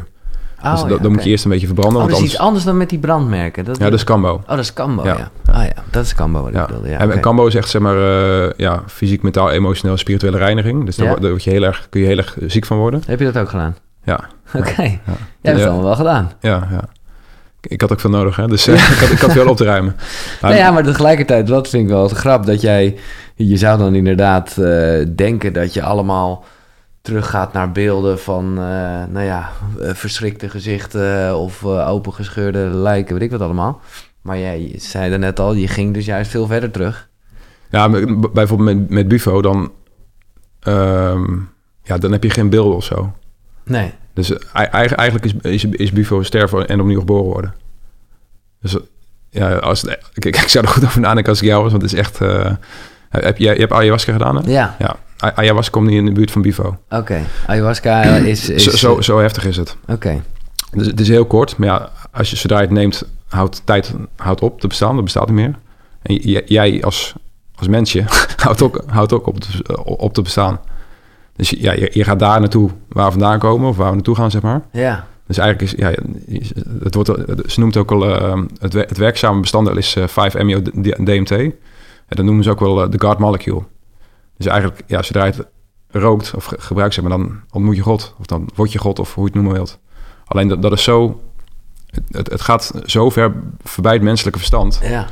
Dus dat je, jij kunt het nooit begrijpen. Nee. Jij kunt het nooit herinneren. Nee. Soms kun je flarden herinneren, maar zodra je terugkomt en je, je gaat het proberen te begrijpen, dan ga, dan ga je slecht. Ja. Dus dat, dat, dat, dat leer je heel snel af. Ja, maar dat is, ja, dat, dat is eigenlijk eh, een, soort van incarnatie wat je, wat je mee, meemaakt. Oké, eh, heel veel vragen, hartstikke leuk. Maar vooral even wat je net zegt, dit vind ik heel mooi. En dan denk ik soms ook wel, wat zit ik hier aan tafel te doen? Eh, dus daarom vind ik het le- dat, jij dat zegt, ja, eigenlijk moet je eh, bepaalde dingen niet proberen te begrijpen. Maar ja, Nee, maar in, in essentie valt helemaal niks te begrijpen. nee. Nee, nee, dat heb ik heel vaak mensen die dan heel stellig zijn, weet je. En dan, dan probeer ik daar een soort van oordeel over los te laten. Ja, Maar het leven per definitie valt niet, valt niet te begrijpen. De- want dat, nou, dat heb ik ook, en daar, daar gaat eigenlijk ook de Bhagavad Bhagavad Gita over. ja, Wij worden gestuurd door iets, iets groters, iets zoveel meer intelligents dan ons. Ja, het is er, ook ergens soort van arrogant natuurlijk, als we, dat, als we dat proberen te begrijpen met ons mensenverstand. met die anderhalf kilo Mooi. hersenen. Ja. ja. Dus dat, dat geeft jou ook een soort rust. Want ik word daar eigenlijk in eerste instantie, ja, nu jij het zo zegt, word ik er wel een beetje rustig van. Maar ik voel vooral heel erg de behoefte van, ja, hoe werkt het allemaal? Hoe kunnen we het... Ja, tuurlijk. Ja, dat- maar dat is het ego. Die Ja. denkt van, ja, hoe werkt het? Dan kan ik, er- kan ik er meer gebruik van maken. zo, weet je wel. ja, Ja, ja, precies. Alleen dat is super paradoxaal. En eh, hoe meer dat los laat laten, hoe meer je het voor je laat werken. En dan kun je, ja, dan kun je gewoon gaan leven. Ja. Ja, mooi man. En, eh want ik heb ook heel veel vragen, omdat ik dat gewoon ook interessant vind. En, en begint gelijk te twinkelen met dat Bufo. Misschien is het te heftig. eh, maar wat was, wat was het eerste in deze categorie wat op je pad kwam? Ik weet dat jij gewoon wel een eh blonde puber was. Dus op zich, nou ja... eh, ja, dus er zijn genoeg eh, mensen die daar ook een soort spiritualiteit uithalen. Ehm, maar ja, ik kan me voorstellen dat je daarna gewoon juist even in een hele clean vibe bent beland vanuit je Ja, werk. bij, bij Defensie heb ik nooit eh Nee. drugs gebruikt of Nee. psychedelica of dat soort dingen. Nee, nee. nee. Dus, dus wat was je eerste stapje? Want dat, is, dat moet toch wel even een... Ja, Ja, op, op een gegeven moment, toen ik een, eh voor mij anderhalf jaar weg was of zo, toen kwam ik zelf in een, eh, in een moeilijke periode. En eerst zorg ik gewoon de traditionele hulp. Dat was een Ja. hele, hele stap voor mij, dat is een psycholoog. ja, Ja, die, die kwam eigenlijk achteraf gezien niet voorbij mijn eigen ego. Dus gewoon die, die emotionele muur die ik had opgebouwd, die, die was gewoon te dik eigenlijk. en je Ja. gaf wenselijke antwoorden. Ja, precies. Ik, ik, Oh, ja, ik ik, schrijf, ik schrijf er ook over natuurlijk en ik lees er ook over. Dus dan kun je natuurlijk hartstikke mooie antwoorden geven. Dat is heel veilig. Ja. En op een gegeven moment daarna eh, ja, had, was er weer een situatie gebeurd... waar ik weer ge- geconfronteerd werd met mijn eigen shit eigenlijk. En toen had ik van, ja, ik, ik moet daar gewoon een keertje voorbij. En toen, eh nou, een, een oud collega van mij ook, die, eh, die, die had wel PTSS, of die heeft PTSS. Ja. En die had wel een, al een keertje ayahuasca gedaan. Dus via hem ben ik eh, bij ayahuasca gekomen. En dat was eigenlijk de eerste keer dat ik echt... eh, Ja. En eh, wat, wat, eh, wat gaf het jou op dat moment? Wat voor een, ja, misschien wat grote vraag, maar je krijgt toch wel, zeker achteraf en misschien jaren later nog meer, maar een soort inzicht of een soort dat je denkt, oh ja, daar, daar kon ik echt wat mee. Ehm, ja, om, om het in een woord te vangen, verbinding. Dus ik voelde voor het eerst echt... Oh, dit betekent dus om, om je hart te openen, om verbinding Mm. te voelen met, voor, voor andere mensen. Ja. En het grappige is, bij het Chorus Mariniers, een van de kernwaarden is, is, is verbondenheid. Ja. En toen ik wegging, had ik zoiets, ja, maar hoe voelt het eigenlijk? Dus het is 21 jaar lang heb ik eh, mezelf geconditioneerd, zeg maar, om gevoel weg te stoppen. Ja. En nu opeens zou ik verbondenheid moeten voelen. Geen idee hoe. en met ayahuasca voelde ik dat voor het eerst. Ja. Voor, voor een groep wildvreemden. En, en voor mezelf. Dus toen ontstond er een soort met van... Ja, er stond gewoon ruimte. Ja. Een stukje vrijheid. Zo van, dat zit in me. Ja, en ook, ook, ook gewoon alsof je een, een soort van kijkje krijgt naar een andere realiteit en dimensie. Dat je denkt, ah fuck, hey, er, er is nog zoveel meer dan dit, dit stukje wat wij hier eh, ervaren met z'n allen. ja, En blijkbaar wa- was dat dan nieuwsgierigheid of, of, of nieuwe eh, dingen die op je pad kwamen... dat je toch ook, eh, nou ja, die gambo en die buffo en zo bent gaan doen? Ehm, nou, iemand heeft me wel eens omschreven als een, als een pionier. en, en daar zit wel echt een kern van waarheid in. En, eh, Dus je wil gewoon dingen ontdekken ook. Ja, ook, ook Ja. ontdekken, omdat ik gewoon merk dat er iedere keer... eh daar zit er bij mij een oordeel in. Ja. En dan ga, ga ik het oordeel ga ik, eh, onderzoeken en eh, ontdekken. En het levert me altijd ontzettend veel op. En, eh, en, en ook, je hebt het over angsten gehad. Nou, mijn grootste angsten die heb ik tijdens die reizen ervaren. En ja, de grootste angst is misschien wel om mezelf te verliezen. Ja. En dat hele stukje identiteit. Ja, Dus ehm, ja, het, het, het leest me gewoon iedere keer... eh, en ik, ik, zie het eigenlijk een soort met van, eh, van zuivering. Dus ik ben mezelf gewoon aan het opruimen. Ja. En dan, komt er steeds meer ruimte voor, voor, voor leven, voor, voor liefde. Dus ja, ik doe het enigszins ook voor, eh, gewoon voor, voor mijn gezin en voor de, voor de volgende Ja. generatie. Ja. nou ja, zoals... zoals hè, dat vind ik heel mooi dat jij dat ook omschrijft... want dat, hoe zweverig wil je het hebben? Maar I love it en ik geloof het, ik voel het ook echt... dat mediteren... dat dat gewoon goed is voor de wereld. Ja, ja, dat absoluut. je daarmee gewoon... eh, en ik kan me mij ook nog herinneren dat een psycholoog dat tegen mij zei... En ik was een beetje, dit is echt lang geleden hoor. eh, ik was een beetje zo, ja, die ademhalingsoefeningen. En toen zei ze nog, nu snap ik dat veel meer. Toen zei ze nog, als je, dan doe je het niet voor jezelf, maar doe het dan voor de wereld. Ja, En ja. ik dacht, toen, ja, Ja. what the fuck heeft er iemand... aan- Maar dat is wel, ja, nou ja, ik geloof dat wel heel Ja, erg. ik, ik heb ook wel eens eh, gehoord, en voor mij was dat de Deepak Chopra die dat zei. Ook bijvoorbeeld met, met ademhaling. Ja. Met ademhaling kun je jezelf helen. En als je dat maar voldoende doet, ga je op een gegeven moment ook andere mensen helen met je ademhaling. Ja, Dus ja, of ik dan geloof of niet, het maakt me eigenlijk uit. Ik vind het een prachtige gedachte, Ja. dus ik, ik ga het maar gewoon doen. ja, nee, ja, zo Ja. is het. En wat is dan, eh, is dat dan iets wat je dan nu op regelmatige basis doet? Of hoe komt het op je pad? Dingen als, eh, en of heb je nog dingen op je lijstje staan ook? Zoals ik nu toch denk, oh, dat Bufo eh, en, eh, en dat Gambo, dat haal ik nu even een beetje door elkaar. Nou, wat, wat, wat, eh, wat, wat ik veel zie en wat, wat misschien ook mijn valkuil is, is dat ik dat, dat soort dingen gebru- ga gebruiken om, om, Nee, om mijn daarom- ego te ontwikkelen. Daarom vraag ik het ook een beetje. Dus ja, dan, precies. Dan wordt het een soort doel. Ja, Dus ehm, ja, en uiteindelijk gaat het natuurlijk om, om de inzichten die je opdoet en hoe je dat vervolgens in het normale leven integreert. ja, En kijk, een, een Cambo-sessie aan zich, of ja, dat is natuurlijk heel reinigend en helend. Maar het gaat er ook om daarna zeg maar, je lijst te ga- gaan aanpassen. En als je bijvoorbeeld eh, ayahuasca, ja, prachtige inzichten, maar wat ga je er vervolgens mee doen? En dat, dat zie je ook even aan, dat, dat mensen maar blijven doen en blijven Ja. doen en blijven doen. En er verandert helemaal niks. Nee. Dus ik, ik heb nu niet zo specifiek iets eh, eh, wat echt op me... Ik, ik heb geen, geen verlanglijst en zo. En soms, ja, net zo kan maar, er kwam onlangs voorbij. ja. En heb ik zoiets van, oké, doe ik een soort check-in. Heb ik het nodig? Ja, ik denk het wel. Dan ga ik dat doen. Ja. En dat is misschien, ja, jij zegt het nu even zo'n check-in, wat weer een lekkere, nou ja, goede zakelijke. Maar dat is waar de essentie om gaat. Dus gewoon ontzettend luisteren naar je gevoel. Ja. Ik stel altijd de vraag en ik realiseer me dat het eh, een gekke vraag is, maar daarom vind ik het leuk om die vraag te stellen. En jij hebt er wel iets over gezegd. Hoe train je? Het trainen is natuurlijk ook eh, voor jou wel een bekend eh, verschijnsel. Hoe train je intuïtie? Ehm, nou, heel, heel praktisch denk ik door eh, je geest rust- rustig te maken, de helderheid te creëren. En dan, ja, de verstilling op te zoeken, mediteren, wandelen, eh, telefoon uitzetten, Ja. ja. ademhalen. En is dat, want kijk, je zou kunnen zeggen, zoals dat gewoon normaal gaat in de mensenleven, ben jij heel erg, eh, nou ja, je, je groeit altijd als mens. Maar ergens denk ik dat je die intuïtie toch altijd ook wel gehad moet Ja. hebben, ook als 17-jarige toen je bij de mariniers kwam. En toen was je niet echt bezig met verstilling, meditatie en dat soort Helemaal niet, nee, nee. Kijk, en, en, hele, hoe train je intuïtie? Ik, ik geloof heel erg dat we alleen maar gestuurd en geleid worden door de intuïtie. En ons ego gaat er later wel een mooi verhaaltje van maken. en, en volgens mij is dat een beetje hoe het werkt. Ja, ja, ja. Dus vol, ja. Ja, dit vind ik een nice. Dus jij zegt eigenlijk, we worden veel meer door intuïtie dan we, Ja. dan we misschien denken.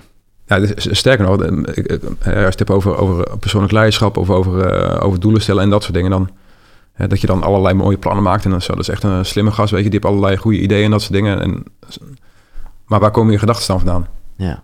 Die, die briljante gedachten die je hebt, die, zijn- die zijn helemaal niet voor jou. Die komen ook ergens vandaan. Net zoals je ademhaling ergens vandaan komt. Net als je hartslag ergens vandaan komt. Dat, dat, dat, dat krijgen we allemaal. Hè? Dan, kun je wel zeggen, van, ja, dat ben ik. Nee, dat ben je niet. Nee. Dat is ook een soort van arrogantie natuurlijk. God. Wat zijn ehm, ehm, ja, mensen die jou ook hier heel erg bij geholpen hebben? Ik weet, ik kwam de naam Tijn Tauber tegen, wat ik echt top vond. Dat ik dacht, Ja. zo, eh, eh, hoe kwam die op je pad?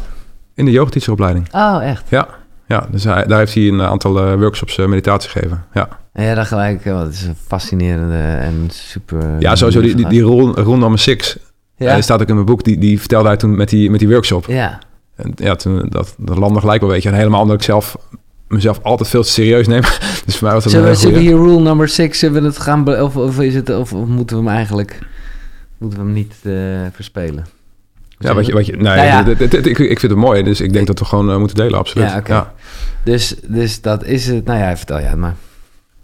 Eh, nou, Roel, eh, het verhaal gaat eigenlijk over een, eh, ik, ik geloof een Amerikaanse of een, een, een Engelse prime, min- prime minister. Ja. Die, die heeft als, als stelregel binnen zijn kabinet rule number 6. Nou, op een gegeven moment heeft hij een of ander zwaar gesprek met een, met een, met een Rus, een Russische diplomaat of poli- politicus, weet ik veel wat. Ja. En, en komt een van, een van zijn eh, kabinetsleden komt helemaal in paniek, kom- komt binnen tijdens dat gesprek, eh, terwijl hij met die Rus zit. Eh, ja, er is iets aan de hand, echt gewoon mo- moord en brand in, in Engeland. En die prime minister zegt van, don't forget rule number six. En je ziet die, diegene die in paniek is, oh ja, is, dan krijgt hij even zo'n cognitieve dissonantie. Oh ja, ja, en die komt er helemaal tot rust en die loopt vervolgens weg. Nou, vervolgens gaan ze verder met het gesprek. Die, die Rus kijkt weer een klein, klein beetje in de war. Dus je denkt, dit, dit vind ik zo mooi. Je vertelt het echt goed. Want iedereen denkt nu twee dingen. Namelijk, oké, wat is rule number 6? Ja, en wa- wa- wa- wat zijn eigenlijk die andere regels? Ja, dus op een gegeven moment, nou, ze gaan verder met het gesprek. Op een gegeven moment komt er nog iemand binnen. Er is weer moord en brand in, eh, in Engeland. Of er is een andere panieksituatie. En weer zegt hij, eigenlijk volledig kalm. Don't forget about rule number six. Oh ja, ja, ja, rule number six. Nou, die, die Rus is natuurlijk nieuwsgierig. En die vraagt van, ja, eh, wat, wat is nou rule number six? Ja, don't take yourself so bloody serious. Don't Ah, ja. take yourself so bloody serious. Ja. Dat is gewoon, ja. Ja. En wat zijn die andere regels dan? En dat zijn geen andere regels. ja, ja. Dat is- Het is zo'n goede mindfuck. ja, toch? Ja. Er zijn ook helemaal geen andere regels. Nee. Maar neem jezelf gewoon niet zo serieus. En neem, neem de, zo komen die ook op. Neem het leven gewoon ook dus niet zo serieus. Nee, nee. Ja, mooi. En er zijn er nog andere Nederlandse mensen die ik misschien zou kunnen kennen eh, vanuit het Koekeroeveld. Want ik vond Tijn Tauber echt opvallend hoe even, ja, dat ineens bij jou langskwam. Ehm, ja, ik, heb heel veel mensen die, eh, die me inspireren eigenlijk, maar ge- geen hele grote spirituele... Ik, ik probeer juist de inspiratie te halen uit, uit de mensen die, eh, Ja. die niet zo voor de hand licht zijn. Maar, maar een van...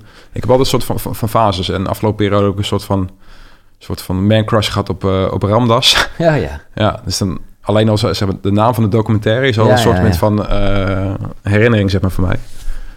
Maar ik, ja, dat is altijd zo'n fase dat ik dan eh, dat soort mensen een beetje En volg. lees je nog veel? Ja, wel, ja. Ja, ja ik, ik lees altijd wel. Ja. Het staat altijd wel een stapeltje boeken naast mijn, naast mijn bed.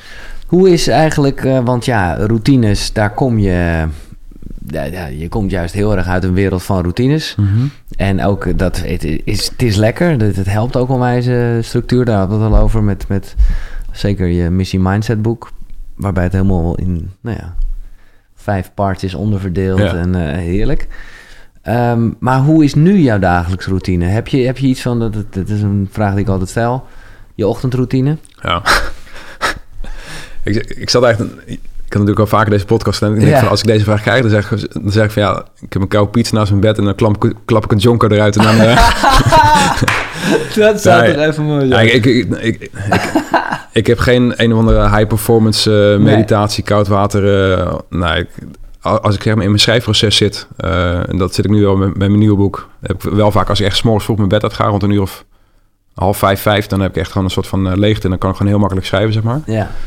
Dus dat, dat is dan wel echt een routine, maar het is niet dat ik gewoon een of andere diehard dagelijkse maar routine is dit een, en ik snap het, is dit ook een beetje, wat ik heel logisch zou vinden hoor, ook een beetje een soort anti-reactie op uh, de 21 jaar... Uh, ja. ja, absoluut. Ja, ja want Dan, dan, dat weet ik, nou ja, niet dat ik daar mijn normale ochtendroutine heb gedaan, maar je weet gewoon er wel van: oké, je tas moet goed gepakt zijn, je spullen liggen klaar, dit, dat, zus, zo. Om Ja. elke seconde Ja. Op te kunnen staan. En, eh, Ja, absoluut. En zeg maar, ook, ook dat hele stukje. En, en ja, ik moet eh, in alle eerlijkheid, ik heb ook al, eh, ik zal niet zeggen, ja, eigenlijk wel een soort slaapprobleem sinds, sinds ik weg ben bij Defensie. Ja? Dus gewoon, ja, ik ben natuurlijk best wel geconditioneerd op waakzaamheid. ja. Dus als mijn vrouw omdraait, als mijn kinderen naar bed gaan, als ik buiten iets hoor, dan, ja, dan ben ik wakker en dan gaan er een aantal radertjes af en dan vind ik het lastig om in slaap te komen. Ja. Dus dat is wel iets wat ik, ja, waar ik moeite mee heb. En dat maar het soort- lijkt me toch ook wel, en dat is niks mis mee, maar dat je toch ook nog altijd wel dingen gewoon heel strak neerlegt of zo, of niet? Of kan jij echt je kleren uitgooien in een hoekje? Nou, ik, eh, ik, ik ben er wel relaxed in geworden. En dat is ook een proces waar ik mezelf heb aangeleerd. Om ook gewoon iets minder eh, goed voorbereid te zijn en dingen. is- En, eh, ja, en ook gewoon, een- heel eerlijk, ook bijvoorbeeld met, met presentaties. Ja, voorheen ging ik dat in- inderdaad echt zo'n militair voorbereiden, weet je wel. En op een gegeven moment merkte ik mezelf... Nou, kom maar eens een klein beetje uit je comfortzone. Ja. Ga maar iets minder weet je, perfect doen, weet je wel. eh, Kom maar eens een keertje in je eigen woorden, et cetera. Hmm. Ja. Eh, maar jij, want, maar ik weet wel, en ik weet niet of je dat nog steeds doet, maar het, het, het eh, nou, zowel in niet te breken kwam het tot terug zonder dat je het daar benoemt in de missie mindset ook. En dat weet ik ook van wat ik met jullie heb meegemaakt. De, het koud douchen, of in ieder geval de kracht Ja. van, van, Ja. van Ja, kouheid. ja dat, dat, doe, dat doe ik al veel. ja, Ja. Dus sowieso koud afdouchen, maar ook regelmatig gewoon het koude buitenwater in. ja. Ja. Toch ook nog even om. eh, ja, maar dat vind ik grappig dat jij dat nog steeds doet. Want ik bedoel, wat voor mij een groot ding is. Nou, is ook wel een beetje. Hè, dat het ego zegt: ik wil niet en dan doe je toch. Dus dan weet ik wel, eh, dat, dat spel is een beetje aan de gang. Maar het is ook voor mezelf om te laten zien van. eh, je kan het of zo. Je Ja. kan, je kan. Maar ja, dat hoef jij toch echt niet meer te doen? Of Ehm, moet je dat naar jezelf. nog- Nee, maar eh, bijvoorbeeld met, met koud water gaat het... mijn standaard default setting is eigenlijk... eh, of mijn default setting is, eigenlijk vechten. Ja, Nou, als je dat in koud water gaat doen, dan, dan heb je een pro- probleem. En dus, dus mijn grootste proces nu is, is het overgeven aan wat er is. ja. Het voelen en daar geen oordeel over hebben. Ja, en dat is een prachtig proces natuurlijk met koud water. Dus dat is wel iets veranderd. Daar waar het misschien vroeger veel meer, nou ja, wel mindset, wilskracht, Ja. Ja, was het vooral eigenlijk niet voelen. ja. Hmm. Wegstoppen en eh, ja, vechten inderdaad. Alles op wilskracht. Alleen als je dan, ja, zeg maar, daaraan overgeeft zeg maar, en, en daar voorbij komt... en ja, gaat voelen wat er is en eh, het oordeel gaat loslaten... Ja, en stop met vechten, ja, dan, dan, ben je veel sterker dan dat je alles op wil- wilskracht doet. En het is nog een stuk leuker ook. ja. ja. Dus dat is wel. Maar heb je dit, eh, is dit iets wat je ook al hebt meegemaakt gedurende diensttijd? Ehm, dat, dat stukje overgave. Ja, dat, want, eh, ja dat, dat, dat het inderdaad geen wilskracht wordt, maar gewoon heel erg voelen en daaraan overgeven. Ja, Nee. is- nee. Nee. Toen zat ik er nog echt in, eh, in de wilskrachtmodus. Maar denk je dat dat, eh, ja, ik bedoel, het is niet aan jou. En nogmaals, ik, de kracht is natuurlijk ook wel dat het gewoon een soort jonge gasten met testosteron zijn. Die, Tuurlijk, ja. eh, ja. ja maar dat, dat kan ook niet anders. Ik denk dat het heel goed is dat, dat mensen, helemaal jonge gasten of mensen gewoon eerst een heel, heel sterk ego ontwikkelen. Om vervolgens, nou, net als een documentaire van, van Ramdas, Becoming Ja. Nobody. Eerst Ja. gewoon het ego helemaal ontwikkelen om vervolgens weer af te breken. ja, te ontwikkelen. Ja. Maar hoe, ehm, want dat is dan eigenlijk de grootste vraag. Hoe, hoe heb je die patronen kunnen aanpassen? Omdat ze zit allemaal zo ingesleten. En het zijn allemaal zulke overtuigingen waarvan je zelf waarschijnlijk niet eens wist dat het overtuigingen waren. Ja, ja.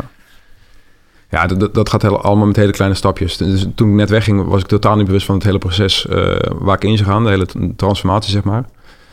En dan langzaam, ja, bijvoorbeeld ook, eh, eh, nou, ook- echt door die, door die spirituele reizen en door en een, een goede vriend van mij. Ja, dat is echt een, eh, die zit ook veel meer in het uh, Tibetaans boeddhisme. Dus Ja. nou, daar spar ik heel veel mee. En die, ja, dat is ontzettend eh, leerzaam eigenlijk. Maar ook het, lezen en het, het mediteren en ja, een yoga-opleiding en dat soort dingen. Maar ook hier voel ik weer, en dit is vooral een les naar mezelf, ook een soort. nou ja, lief zijn voor jezelf, dat het allemaal niet in één keer hoeft en dat kleine stapjes uh, ook Ja, al wat zijn. ja. Ja. En dat, dat, dat was ook absoluut mijn grootste valkuil. Op een gegeven moment raakte ik... Ja, als je dat soort reizen te vaak maakt, ook met, met ayahuasca en helemaal met, met bifo... ja. Ja, je wordt zo in een andere realiteit geknald. Dan kom je hier terug op aarde. En dan denk je, wat, wat, de fuck zijn we met z'n allen aan het doen? ja. Dus dan, dan, dan, dan, Dan wordt het dan ben je, groot. dus ben gewoon zoekende. En ik, heb ja. ook, ik heb ook een, een vrouw en kinderen. En dan, dan raak je ook uit verbinding met hun. Ja. Dus, en dat zie je ook best wel veel mensen die volledig in... Ja, weet ik niet of dat is, maar...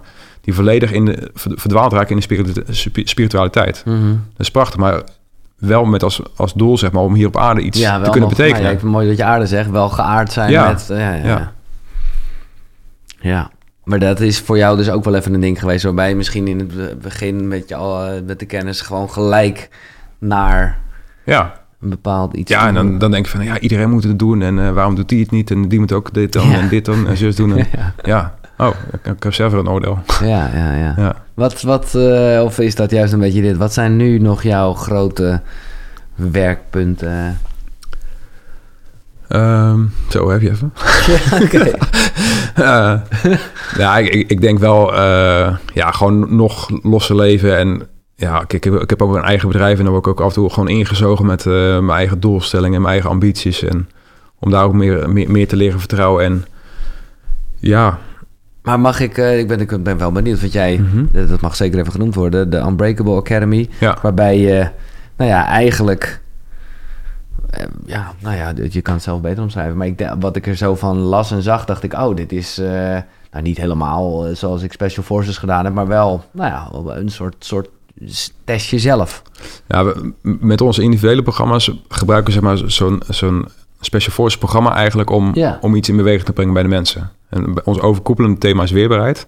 Met eigenlijk als doel, als wij mensen weerbaarder maken, hebben ze meer ruimte voor zichzelf. Herstellen ze de verbinding met zichzelf, herstellen ze de verbinding met hun omgeving en met, met, met de maatschappij. En weerbaarder is dan eh, eh, zowel fysiek als mentaal. Nou, dat was ook, dat, dat leerde ik ook toen ik met het thema aan de slag ging. Ja. Als je het nu googelt, is het inderdaad, veel mensen denken fysiek en mentaal. Maar je emotionele weerbaarheid, als je, als je, leeft, eh, als je het hebt over spirituele weerbaarheid, dus Ja. echt leven vanuit zingeving, met bezieling, in contact met jezelf. Ja, dat is voor mij spirituele weerbaarheid. En als, als, als dat goed is, dan ben je onbreekbaar. ja, En als je echt gaat beseffen, eh, als je voorbij denken komt, voorbij patronen, et cetera, et cetera. Ja, dat betekent onbreekbaar zijn. dus het gaat alleen maar daarover, eigenlijk. Niet alleen maar. Nee. Het- soms is het ook gewoon fysieke weerbaarheid. Ja, en soms is het ook gewoon echt de mentale componenten. Soms is het je, je sociale omgeving. Dus wij bekijken het vanuit een integraal perspectief. En eigenlijk net wat je nodig hebt. Als je echt volledig in de spiritualiteit zit, bijvoorbeeld... zou het zomaar kunnen zijn dat je gewoon aan je fysieke weerbaarheid moet gaan werken. Ja. En gasten die volledig alleen maar uit hun hoofd zitten... of, of werken en leven... nou, misschien moeten die even hun emoties gaan aankijken. Eh, maar sorry, dat is de Unbreakable Academy dus. Ja. Eh, maar wat, wat zijn de ambities daarmee? Eh, nou, we- ik heb eigenlijk als missie met, met het bedrijf om Nederland weerbaar te maken. Eigenlijk, eigenlijk ehm, toen ik naar mijn carrière keek, za- zag ik helemaal onder moeilijke omstandigheden echt een standaard patroon, zeg maar, als mensen de opleiding niet haalden. Ja. Dus als ze niet weerbaar genoeg waren voor, voor zijn opleiding. Dus ze kregen tunnelvisie, audioblok, eh, ze, ze dissocieerden va- van het team. Nou, vervolgens was dat ze eigenlijk eh, uit de opleiding gingen. En nu eigenlijk op macroniveau zie ik ja, een klein beetje hetzelfde in de maatschappij. Dus we, we leven in uitdagende omstandigheden. Sommige mensen hebben niet de vaardigheden, de kennis en de tools zeg maar, om daarmee om te gaan. Met als gevolg stress, burn-out, Ja. uit de organisatie, et cetera, et cetera. Dus mijn overtuiging is heel erg als je mensen weerbaarder maakt, op wat voor manier dan ook, herstel de verbinding met zichzelf, herstellen ze de verbinding met hun, met hun omgeving. En dat zorgt er ook voor uiteindelijk dat wij onze shit niet doorgeven aan de volgende generatie. ja. En dat, dat is waar het mij om gaat eigenlijk. Ja. Mooi man. Dat, eh, dat is wel echt, echt een mooie, eh, ja, een mooie missie. Ja, en op, op deze manier kan ik eigenlijk beide werelden verbinden. Dus mijn, mijn oude werk en leven, dus ik werk nog steeds met dezelfde gasten.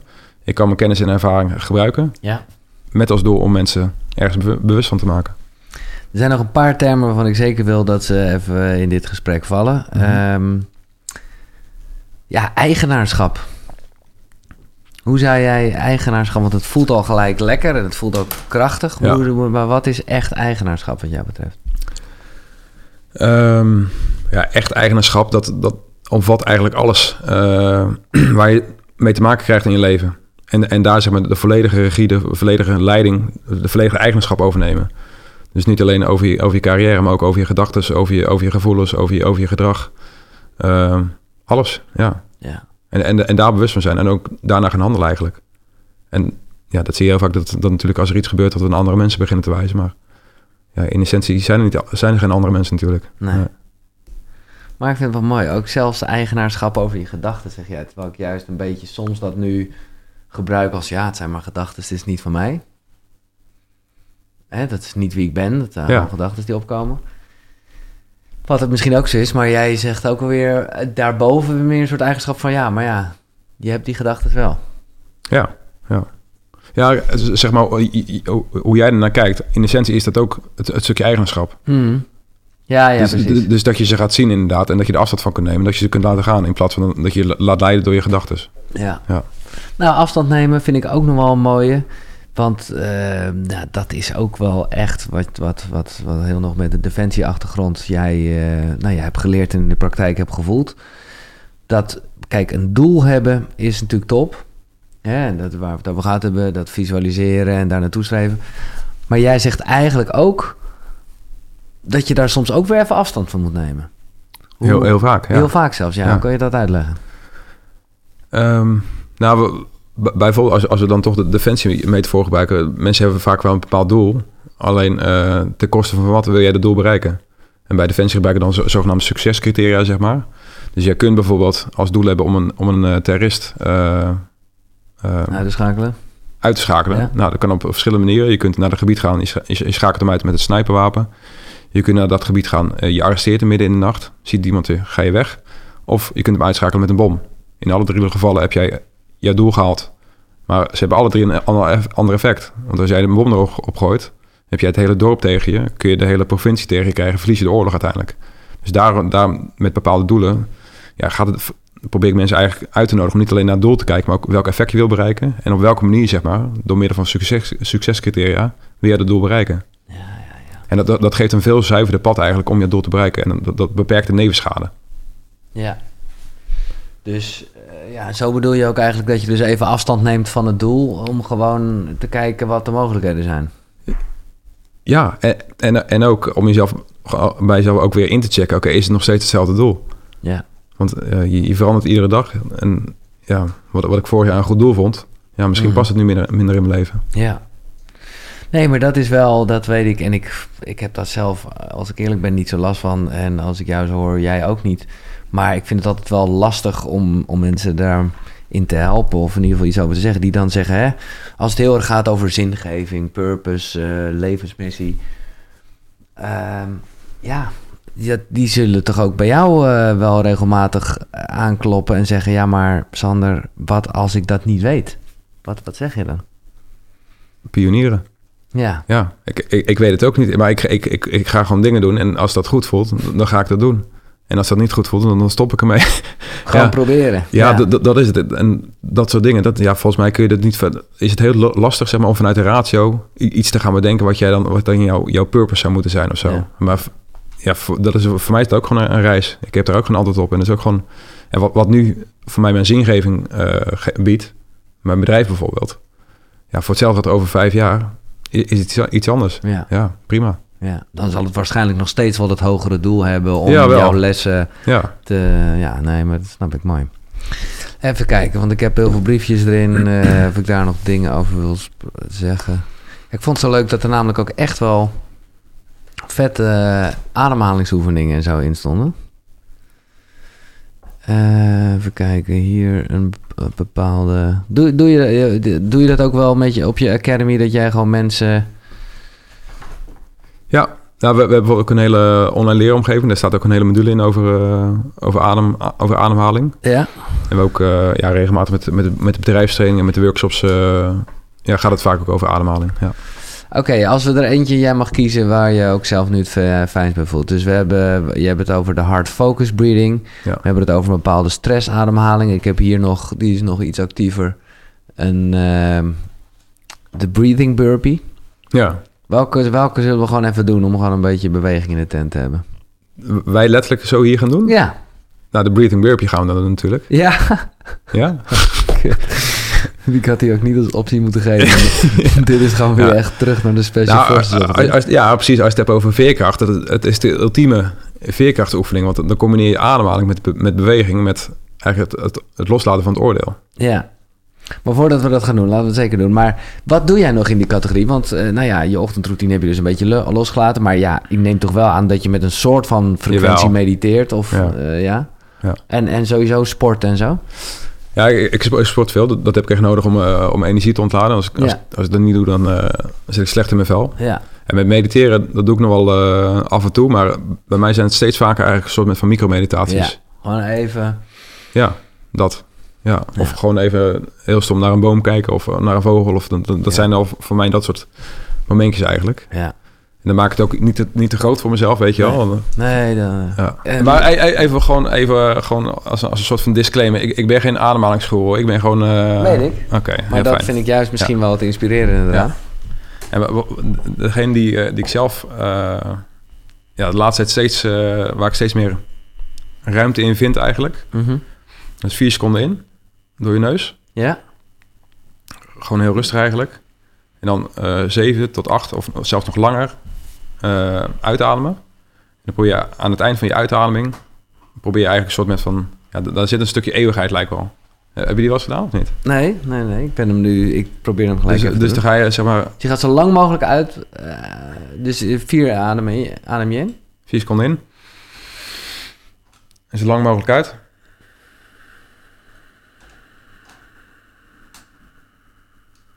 En op het moment dat je leeg bent, probeer daar gewoon heel, even in te zijn. Adem door je neus in. Adem uit.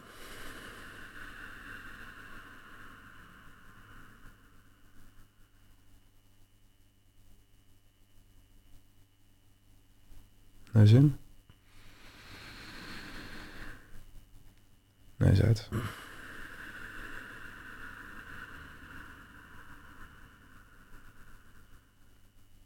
Probeer heel even die stilte op te zoeken. Neus in.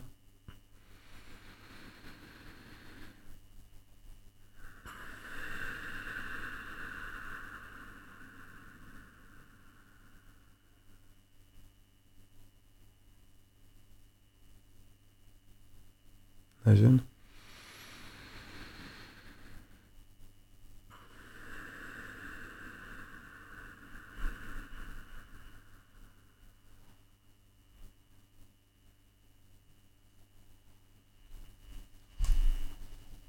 Hoe was die? Ja, lekker man. Maar het is ook wel... Wat is dit voor een ademhaling? Ik heb geen idee. Oké. Nee, maar ik heb af en toe dan, dan ga ik ook weer pionieren. En dan, het zal ongetwijfeld, er zijn zoveel technieken natuurlijk. Ja, ja, Hij zal ongetwijfeld bestaan of een naam hebben, Tuurlijk, geen idee. Maar de- met name dat, dat stukje aan het einde van mijn uitademing. Als ik, als ik, ja, dan in, in een soort twilight zone. Ja. tussen- ja, Ja. dat is lekker hè? ja, Maar dat is wel grappig, omdat daar gewoon... Dat vind ik het mooie. Daar komen eh, ja, de dingen die eigenlijk tegen elkaar lijken te staan. Namelijk... Ja, nou ja, dat staat niet tegen elkaar. Maar de, de- er, is, er is rust en focus tegelijk. Ja. Dat, dat vind ik Ja. het mooie. Lekker man. top. Ja, dat is toch wel even een hele andere... Nou ja, al moet ik ook zeggen, eh, en ook dat heeft het Special Forces programma niet gehad. Maar we hebben ook zelfs nog wel eens een keer eh, een soort ademhalingsoefening gedaan. En een soort yoga-achtig iets. Ja. Ja. Wat is, oké, laat ik twee eh, eh, vragen stellen eh, die gewoon even heel erg eh, bazaal zijn en weinig spiritueel. Maar wat is van al die jaren, nou niet eens een Special Forces, maar van, nou, van, gewoon van jouw 21 jaar defensietijd. Mhm. Wat, wat schiet je nu te binnen? Wat is je het meest bijgebleven als moment? Ehm. Ja, dat, dat- er is niet echt één moment waarvan ik zeg dat is echt eh, kenmerkend voor mijn, eh, voor, voor mijn carrière. Wel echt een paar gewoon dingen. eh, ja, gewoon bijvoorbeeld vuurgevechten of een hinderlaag Ja. of dat je op mensen moet schieten. Dat, dat, dat soort situaties. Ja, de eerste keer dat je als, als jonge, jonge scholier zeg maar aanklopt bij, die, bij de poort als, als 17-jaar kindsoldaat. Ja, dat, dat, dat zijn echt wel ja, gewoon bijzonder moment, weet je. Ja. maar als je daarop terug uh, reflecteert, denk ik van ja, wat, wat, wat, wat, wat, voor mannetje was je toch weer. Wat, wat heb je het goed gedaan, jongen. Ja, ah, dat vind ik mooi. Ja, en, en, en ook gewoon, ja, dat is ook, ook als je hebt over, ik heb niet, niet een bepaalde trots of zo, maar als ik dan denk van oké, dat was echt moedig van mezelf, ook gewoon de keuze om weg te gaan. En dat stukje achtergelaten, dat, uh, ja, dat heb ik goed gedaan. Ja. Vet man, ja. top. En dan, uh, die, dit is voor jou een spelde prikken op uh, die carrière, maar uh, dat is gewoon meer voor onze connectie. Wat is jou het meest bijgebleven van, van Special Forces? Um, ja, ik, ik, denk wel dat moment tijdens die load carry. Ja. Ja, dat was ja, echt... dat was ook, het, dat was ook ja. far... Dat was echt dat, uh, het moment dat, uh, dat Roy eruit ging. Ja. Daar zat zoveel uh, lading en. Dat, was, dat was echt prachtig. Zo. Ja. ja. ja. Ik heb het nooit echt, en het is misschien dit niet helemaal de, de plek om het over te hebben. Ik baal gewoon ook wel onwijs, hè, als we het nog hebben over de debriefing. Ik baal wel echt van mezelf hoe het is afgelopen eigenlijk, ja? moet ik zeggen. Ja, omdat het gewoon ja, nee, het ligt aan mezelf hoor. Ik bedoel, uh, alleen het was gewoon zo niet nodig geweest. Ja, ik had eigenlijk verwacht, dat, juist dat stukje, dat jij dat, jij dat daar had je al je tools, mediteren en ademhalingen. Nee, dat was het ook. Voor, hè, ik kreeg een koptelefoon op met... Uh, maar, dat, maar dit is precies wat het was. En daarmee is het alsnog dus een valkuil gebleven. Het deed me helemaal niks. Nee? Nee, totaal niet. Alleen en dit is een beetje backstage en het is echt niet om... Uh, ik bedoel, uh, uiteindelijk uh, is het echt mijn fout geweest. Alleen voor het eerst in die hele reeks van dagen...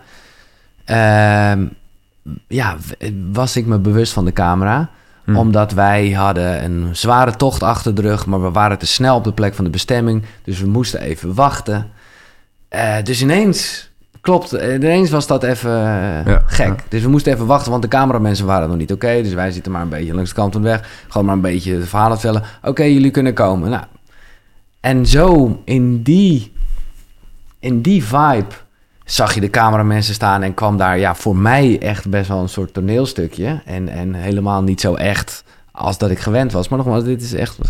Uiteindelijk is het mijn eigen fout geweest. Dus we kregen zo'n zak over mijn hoofd, mijn bril ging af... Dat vond ik vooral irritant. En toen kregen we die, die, die koptelefoon op met zogenaamde martelmuziek. Nou ja, het, ik, ik vond het, het, het deed me niks. Ja. Maar ja, tegelijkertijd ga, stond ik er wel een uur en ik denk, ja, en ik, ik, ik werd daar gewoon. Als ik nou maar, als het me wel veel had gedaan, dan was ik nog een beetje daarmee bezig mezelf rustig maken of weet ik wat. Maar ik vond dit zo onzinnig. Dus de, deed hij wel wat? Dus deed het me wel wat, eigenlijk wel. Nee, daarom dat heb ik ook, want dit is vaak in mijn hoofd nagaan. Dat ik echt dacht van, jezus, hoe... En ik weet ook dat Erik ook nog wel zoiets zei. Dat vond ik wel jammer dat dat eruit geknipt was. Van ja, maar dit is ook precies jouw probleem. Ja. Want ik dacht gewoon, ja, fuck you, wat is dit voor gekut? Dit slaat helemaal nergens op. Ja, ehm, maar ik wilde helemaal niet stoppen. Ik wilde gewoon even, ik wilde vooral mijn bril. Nou ja, maar goed, het was toch, ja, hoe je het bent of keert, uiteindelijk toch een soort error in mijn hoofd. Ja, ja. Ja. Ben je nu oké mee of? Nou, Waar, ja. Ervan? Ja, nee, nee, ik ben er zeker oké mee. En ik, het, is, het is vooral, laat ik het vooropstellen, een waanzinnige ervaring geweest. en die heel veel uh, ja, kennis van, van ja, laten we het maar even het spirituele noemen, het onverklaarbare, wat hier ook wordt besproken, ook echt daadwerkelijk weer heb ik kunnen voelen. Ja, ja. En, en kijk, dat voel ik, dat, dat, ik begrijp gewoon, uh, ik begrijp jou wel heel erg. Uh, ook in, ik bedoel, ik ga mezelf niet met jou vergelijken met uh, jouw staat van dienst met mij, maar met gewoon eigenlijk ook een soort, ja, misschien wel een zoektocht naar verbinding. En daardoor best wel ver gaan in, ja, zeg je dat? ja, fysieke en ook wel mentale. Eigenlijk alleen maar om, om, om iets te willen voelen. Ja, het, het, het mooie is eigenlijk dat de, de Amerikaanse mariniers, de, United States Marine Corps, ja. USMC, ja. die hebben een soort van geuzesnaam, United States Misguided Children. En in de kern, daar zit eigenlijk een kern van waarheid in. Dus heel veel van dat gasten die bij Defensie komen, ja, ik wil ze niet allemaal meteen kamp, nee, over een kamp scheren natuurlijk, maar die zoeken inderdaad iets. Die hebben, die hebben allemaal gewoon een, een ding meegemaakt in de jeugdwerkje en die zoeken iets en die vinden dat vaak bij Defensie, weet je wel. En die, ja, die claimen daar hun hele identiteit aan natuurlijk. Alleen als je dan volgens weg gaat bij Defensie, ja, dat, datgene wat jij zocht, en wat je bij Defensie hebt gedacht uh, te vinden eigenlijk, dat is het nog steeds eigenlijk. Ja. Maar goed, dat, ja. ja. mooi. En daarom is het des te krachtiger dat jij daar op een gegeven moment uh, met gestopt. En, en juist met die identiteit. En, en ik vind het heel mooi hoe dat dan gegaan is met jouw zoon. Ik, ik, jij hebt ergens, dat vond ik de mooiste omschrijving van kinderen ooit. Had je het over sarcastische shamaantjes. Ja. ja, Omdat zij misschien wel de grootste lessen aan je leren. En de grootste spiegels voorhouden. Ja, ja. En ja, gewoon mijn hele perspectief op leven. Ja, niet alleen mijn zoontje, maar ook uh, mijn dochters. Mijn, mijn oudste dochter, die, die, die 17 jaar weet die is ook gewoon uh, lekker aan het puberen af en toe. Ja. En uh, ja, dat is ook gewoon zo'n dankbare les in loslaten en gewoon je eigen overtuiging en perceptie gewoon uh, opnieuw bekijken. Ja. Hoe kijk je aan tegen de dood? Je hebt het dus, uh, nou ja, ik wilde zeggen, je hebt het bijna meegemaakt, maar je hebt het een soort van meegemaakt met het boefo, begrijp ik nu? Ja, ja. Dus hoe kijk je er tegenaan? Wat, uh, nou ja, eigenlijk twee dingen. Wat denk je dat er gebeurt? Gewoon een beetje filosoferen. Mhm. en, en ben je er bang voor? nou, om, om, om te zeggen dat, dat ik er niet bang voor ben, dat is een soort met van ook een stukje, dat zou arrogant zijn, denk ik. Want ja, met zo'n BIVO-ervaring denk ik dat, dat je zo'n proces meemaakt. Maar dan nog steeds, ja, het is niet daadwerkelijk uh, je, je, lichaam verlaat natuurlijk. Het is niet daadwerkelijk sterven. Um, en ik denk wel dat ik nu een klein beetje er doorheen kijk eigenlijk. Dus, dus ja, dat het eigenlijk een vorm van transformatie is in plaats van, uh, nou, je, je, wordt geboren en je gaat dood en uh, mm -hmm. dat zit, weet je wel. Dus dat je iets ja, er voorbij kijkt eigenlijk. En wat ik denk wat er gebeurt, ja, ik denk dat het een uh, transformatie is. En, dat je, en als ik dan refereer op die ervaring van Bifo, is dat je uh, wordt opgenomen. Dat je de, de, in, in, in liefde, in het totaal, in, ja, in, het, in, het, in het collectief bewustzijn, in de kassa, weet, weet ik veel wat. En, uh, en er zal ongetwijfeld een soort van overgangsproces zijn, waarbij je gewoon nog even je, je, je lering trekt uit, uit het aardse leven, zeg maar. Zodat ja. je dat eventueel een volgend leven mee kan nemen. Maar dat is giswerk. Ja. ja. Ah, ja. ja. En uh, kijk, angst... Ik, ik, ik, ik, denk er bijna dagelijks aan. Ik denk, denk dagelijks aan. En uh, ik zat nog te twijfelen om een ander boek mee te nemen. Het, Tibetaanse boek van Leven en Sterven. Oh ja, ja. um, dus ja, het, het, is wel echt een thema waar ik mee bezig ben. En uh, het dwingt mij, omdat ik er veel mee bezig ben... ook om na te denken wat, wat het leven inhoudt. Ja. En het, maar het geeft, toch ook, hè, de, het geeft toch ook een hele goede drive... omdat je gewoon weet dat je doodgaat? Nou, sterker nog, ik denk, ik, ik draai hem wel eens om voor mezelf. En helemaal met zo'n, met zo'n spirituele reis, dan, dan tik je ook wel eens zo'n stukje eeuwigheid aan. Ja, dat, lijkt me, dat vind ik nog veel beangstigender ja. dan de dood. Ja, ja, de eeuwigheid. Dat, dat lijkt me verschrikkelijk. dus, dus die dood is eigenlijk een prachtig iets wat ons gewoon hier op aarde brengt. En gewoon... Ja, dat is wel lekker overzichtelijk, ja. Ja, ja. ja. Dat zou, ik zou helemaal gek worden als je denkt van, dat het niet zou zijn. Uh. Nee. Maar ergens, ik snap heel erg wat je zegt, maar ergens dan niet helemaal in de persoonstand de aards. Maar ja, is het dus wel dat eeuwig in ieder geval never ending? Ja. Uh, allesomvattende. Ja. ja. Ja, ik vind het ook mooi dat jij het liefde noemt. Ja. En hoe, uh, even los van uh, jouw familie die je gewoon zullen herinneren als uh, hopelijk een fijne vader en een lieve man. Mm -hmm.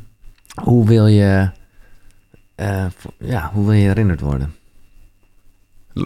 Los van mijn familie? Ja. Um,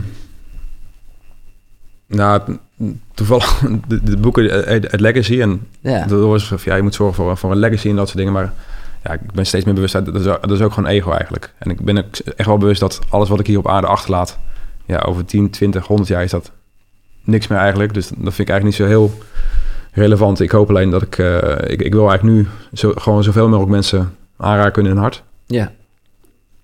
En, maar dat ja. kan toch wel hand in hand gaan met het ego? Absoluut, ja. Want, want ik bedoel, absoluut, ja, even ja. flauw gezegd, door, door ego uh, heb ik hier twee boeken van. Ja, ja, absoluut. Ja, absoluut. Ja, ja. Maar niet zozeer uh, om iets na te laten, zeg maar, qua, qua boeken of een bedrijf of, of, of status of dat soort dingen. Maar ja, bijvoorbeeld een van de dingen... uh, Ja, dan krijg ik bijvoorbeeld een, mailtje van iemand die mijn boek heeft gelezen. Ja, die zat, die zat in een zware eh, depressie en op, net op het juiste moment las zij mijn boek en was een soort, soort van lifeline. Ja, En dat was echt een, eh, zo'n stoere bouwvakker. En door mijn boek ja, is hij ook zijn emoties gaan aankijken... en is hij eigenlijk een soort ook een soort van transformatie doorgaan. Ja, dat, dat is voor mij wat het, wat het leven zin geeft. ja, En ja, als ik dan iets wil nalaten, dan is, het, eh, dan is dat eigenlijk. ja. Nou ja, super mooi. Ja. En Niet te breken is het eerste boek en eh, Missie Mindset jouw tweede boek. Komt, ik bedoel, je had het net over dat je gewoon weer... Ben je ook weer aan het schrijven? Komt er iets? Ja. Ja? Ja. Oké. Ja, het derde boek. ik ben nu bezig met een fictieboek. Oké. Ja, ja. En, maar daar zit, het zit toch wel dan een soort van les in? Of is het echt puur fictie? Het, nou, het, het is het is, ik omschrijf het eigenlijk als meer, als meer dan fictie. Dus het, het, het verhaallijn is fictie. Er zitten elementen in van mijn, uh, van mijn carrière okay. erin verwerkt. Maar ik vind het wel gaaf om sowieso het creatieve, creatieve proces is gaaf, maar wel om bepaalde ja, dingen daarin verwerkt die ik belangrijk vind. Dus bijvoorbeeld wat voor schade iemand kan oplopen na oorlogservaring of zo. Ja, ja. ja, ja, hmm. ja ik, uh, de belangrijkste dingen zijn gezegd. De belangrijkste mentor ben je zelf. De menselijke geest is het primaire, meest effectieve wapen. Vond ik ook, heb ik ook echt wel. Uh, en, maar dat heb jij, en daar ben je gelukkig nog steeds mee bezig. En die, ja, die vind ik heel mooi. Wees nieuwsgierig naar angst. Ja. Is er nog een andere die je nu, of een, ja, niet zozeer, maar gewoon een, als, je, als ik je dit zo zeg, zijn dat voor jou ook het, het belangrijkste wat je wil overgeven? Of is er nog iets wat ik mis? Um, ja, eh, een, een, thema wat bij mij de laatste tijd speelt is uh, ruimte maken. Ruimte maken voor je hart. En dat is uh, één, gewoon letterlijk. Dieper inademen, dieper ja. uitademen. Ja. En dat zorgt ook voor emotionele ruimte en meer liefde en et cetera, et cetera. Dus dat. Mooi. Ja. Nou, dan zal ik ruimte maken uh, en uh, je tijd geven en ook ruimte maken voor de volgende gast. Dankjewel Sander, echt uh, leuk om elkaar weer te ontmoeten. Ik zou zeker ook nog iets met die andere boys willen doen. Uh, maar dat, uh, dat gaat nog wel. Ja, ik, wil je, ik, ik ben blij dat kon ik je toen je hier binnenkwam eigenlijk uh, bedankt ja. voor een waanzinnige ervaring. Even los van dit waanzinnige gesprek en wat je de wereld geeft. Echt top. Graag gedaan. Jij ook bedankt. jij bedankt voor het luisteren. Vergeet vooral niet dat je ook kan abonneren op YouTube en dat Spotify iets nieuws heeft waar je dan kan raten. Wat zeg maar bij iTunes ook kan. Ja, ik doe het ook nooit. Maar je zou mij er wel mee helpen als je het doet. En zo niet dan toch. Tot de volgende. Zonnegroet. Bye.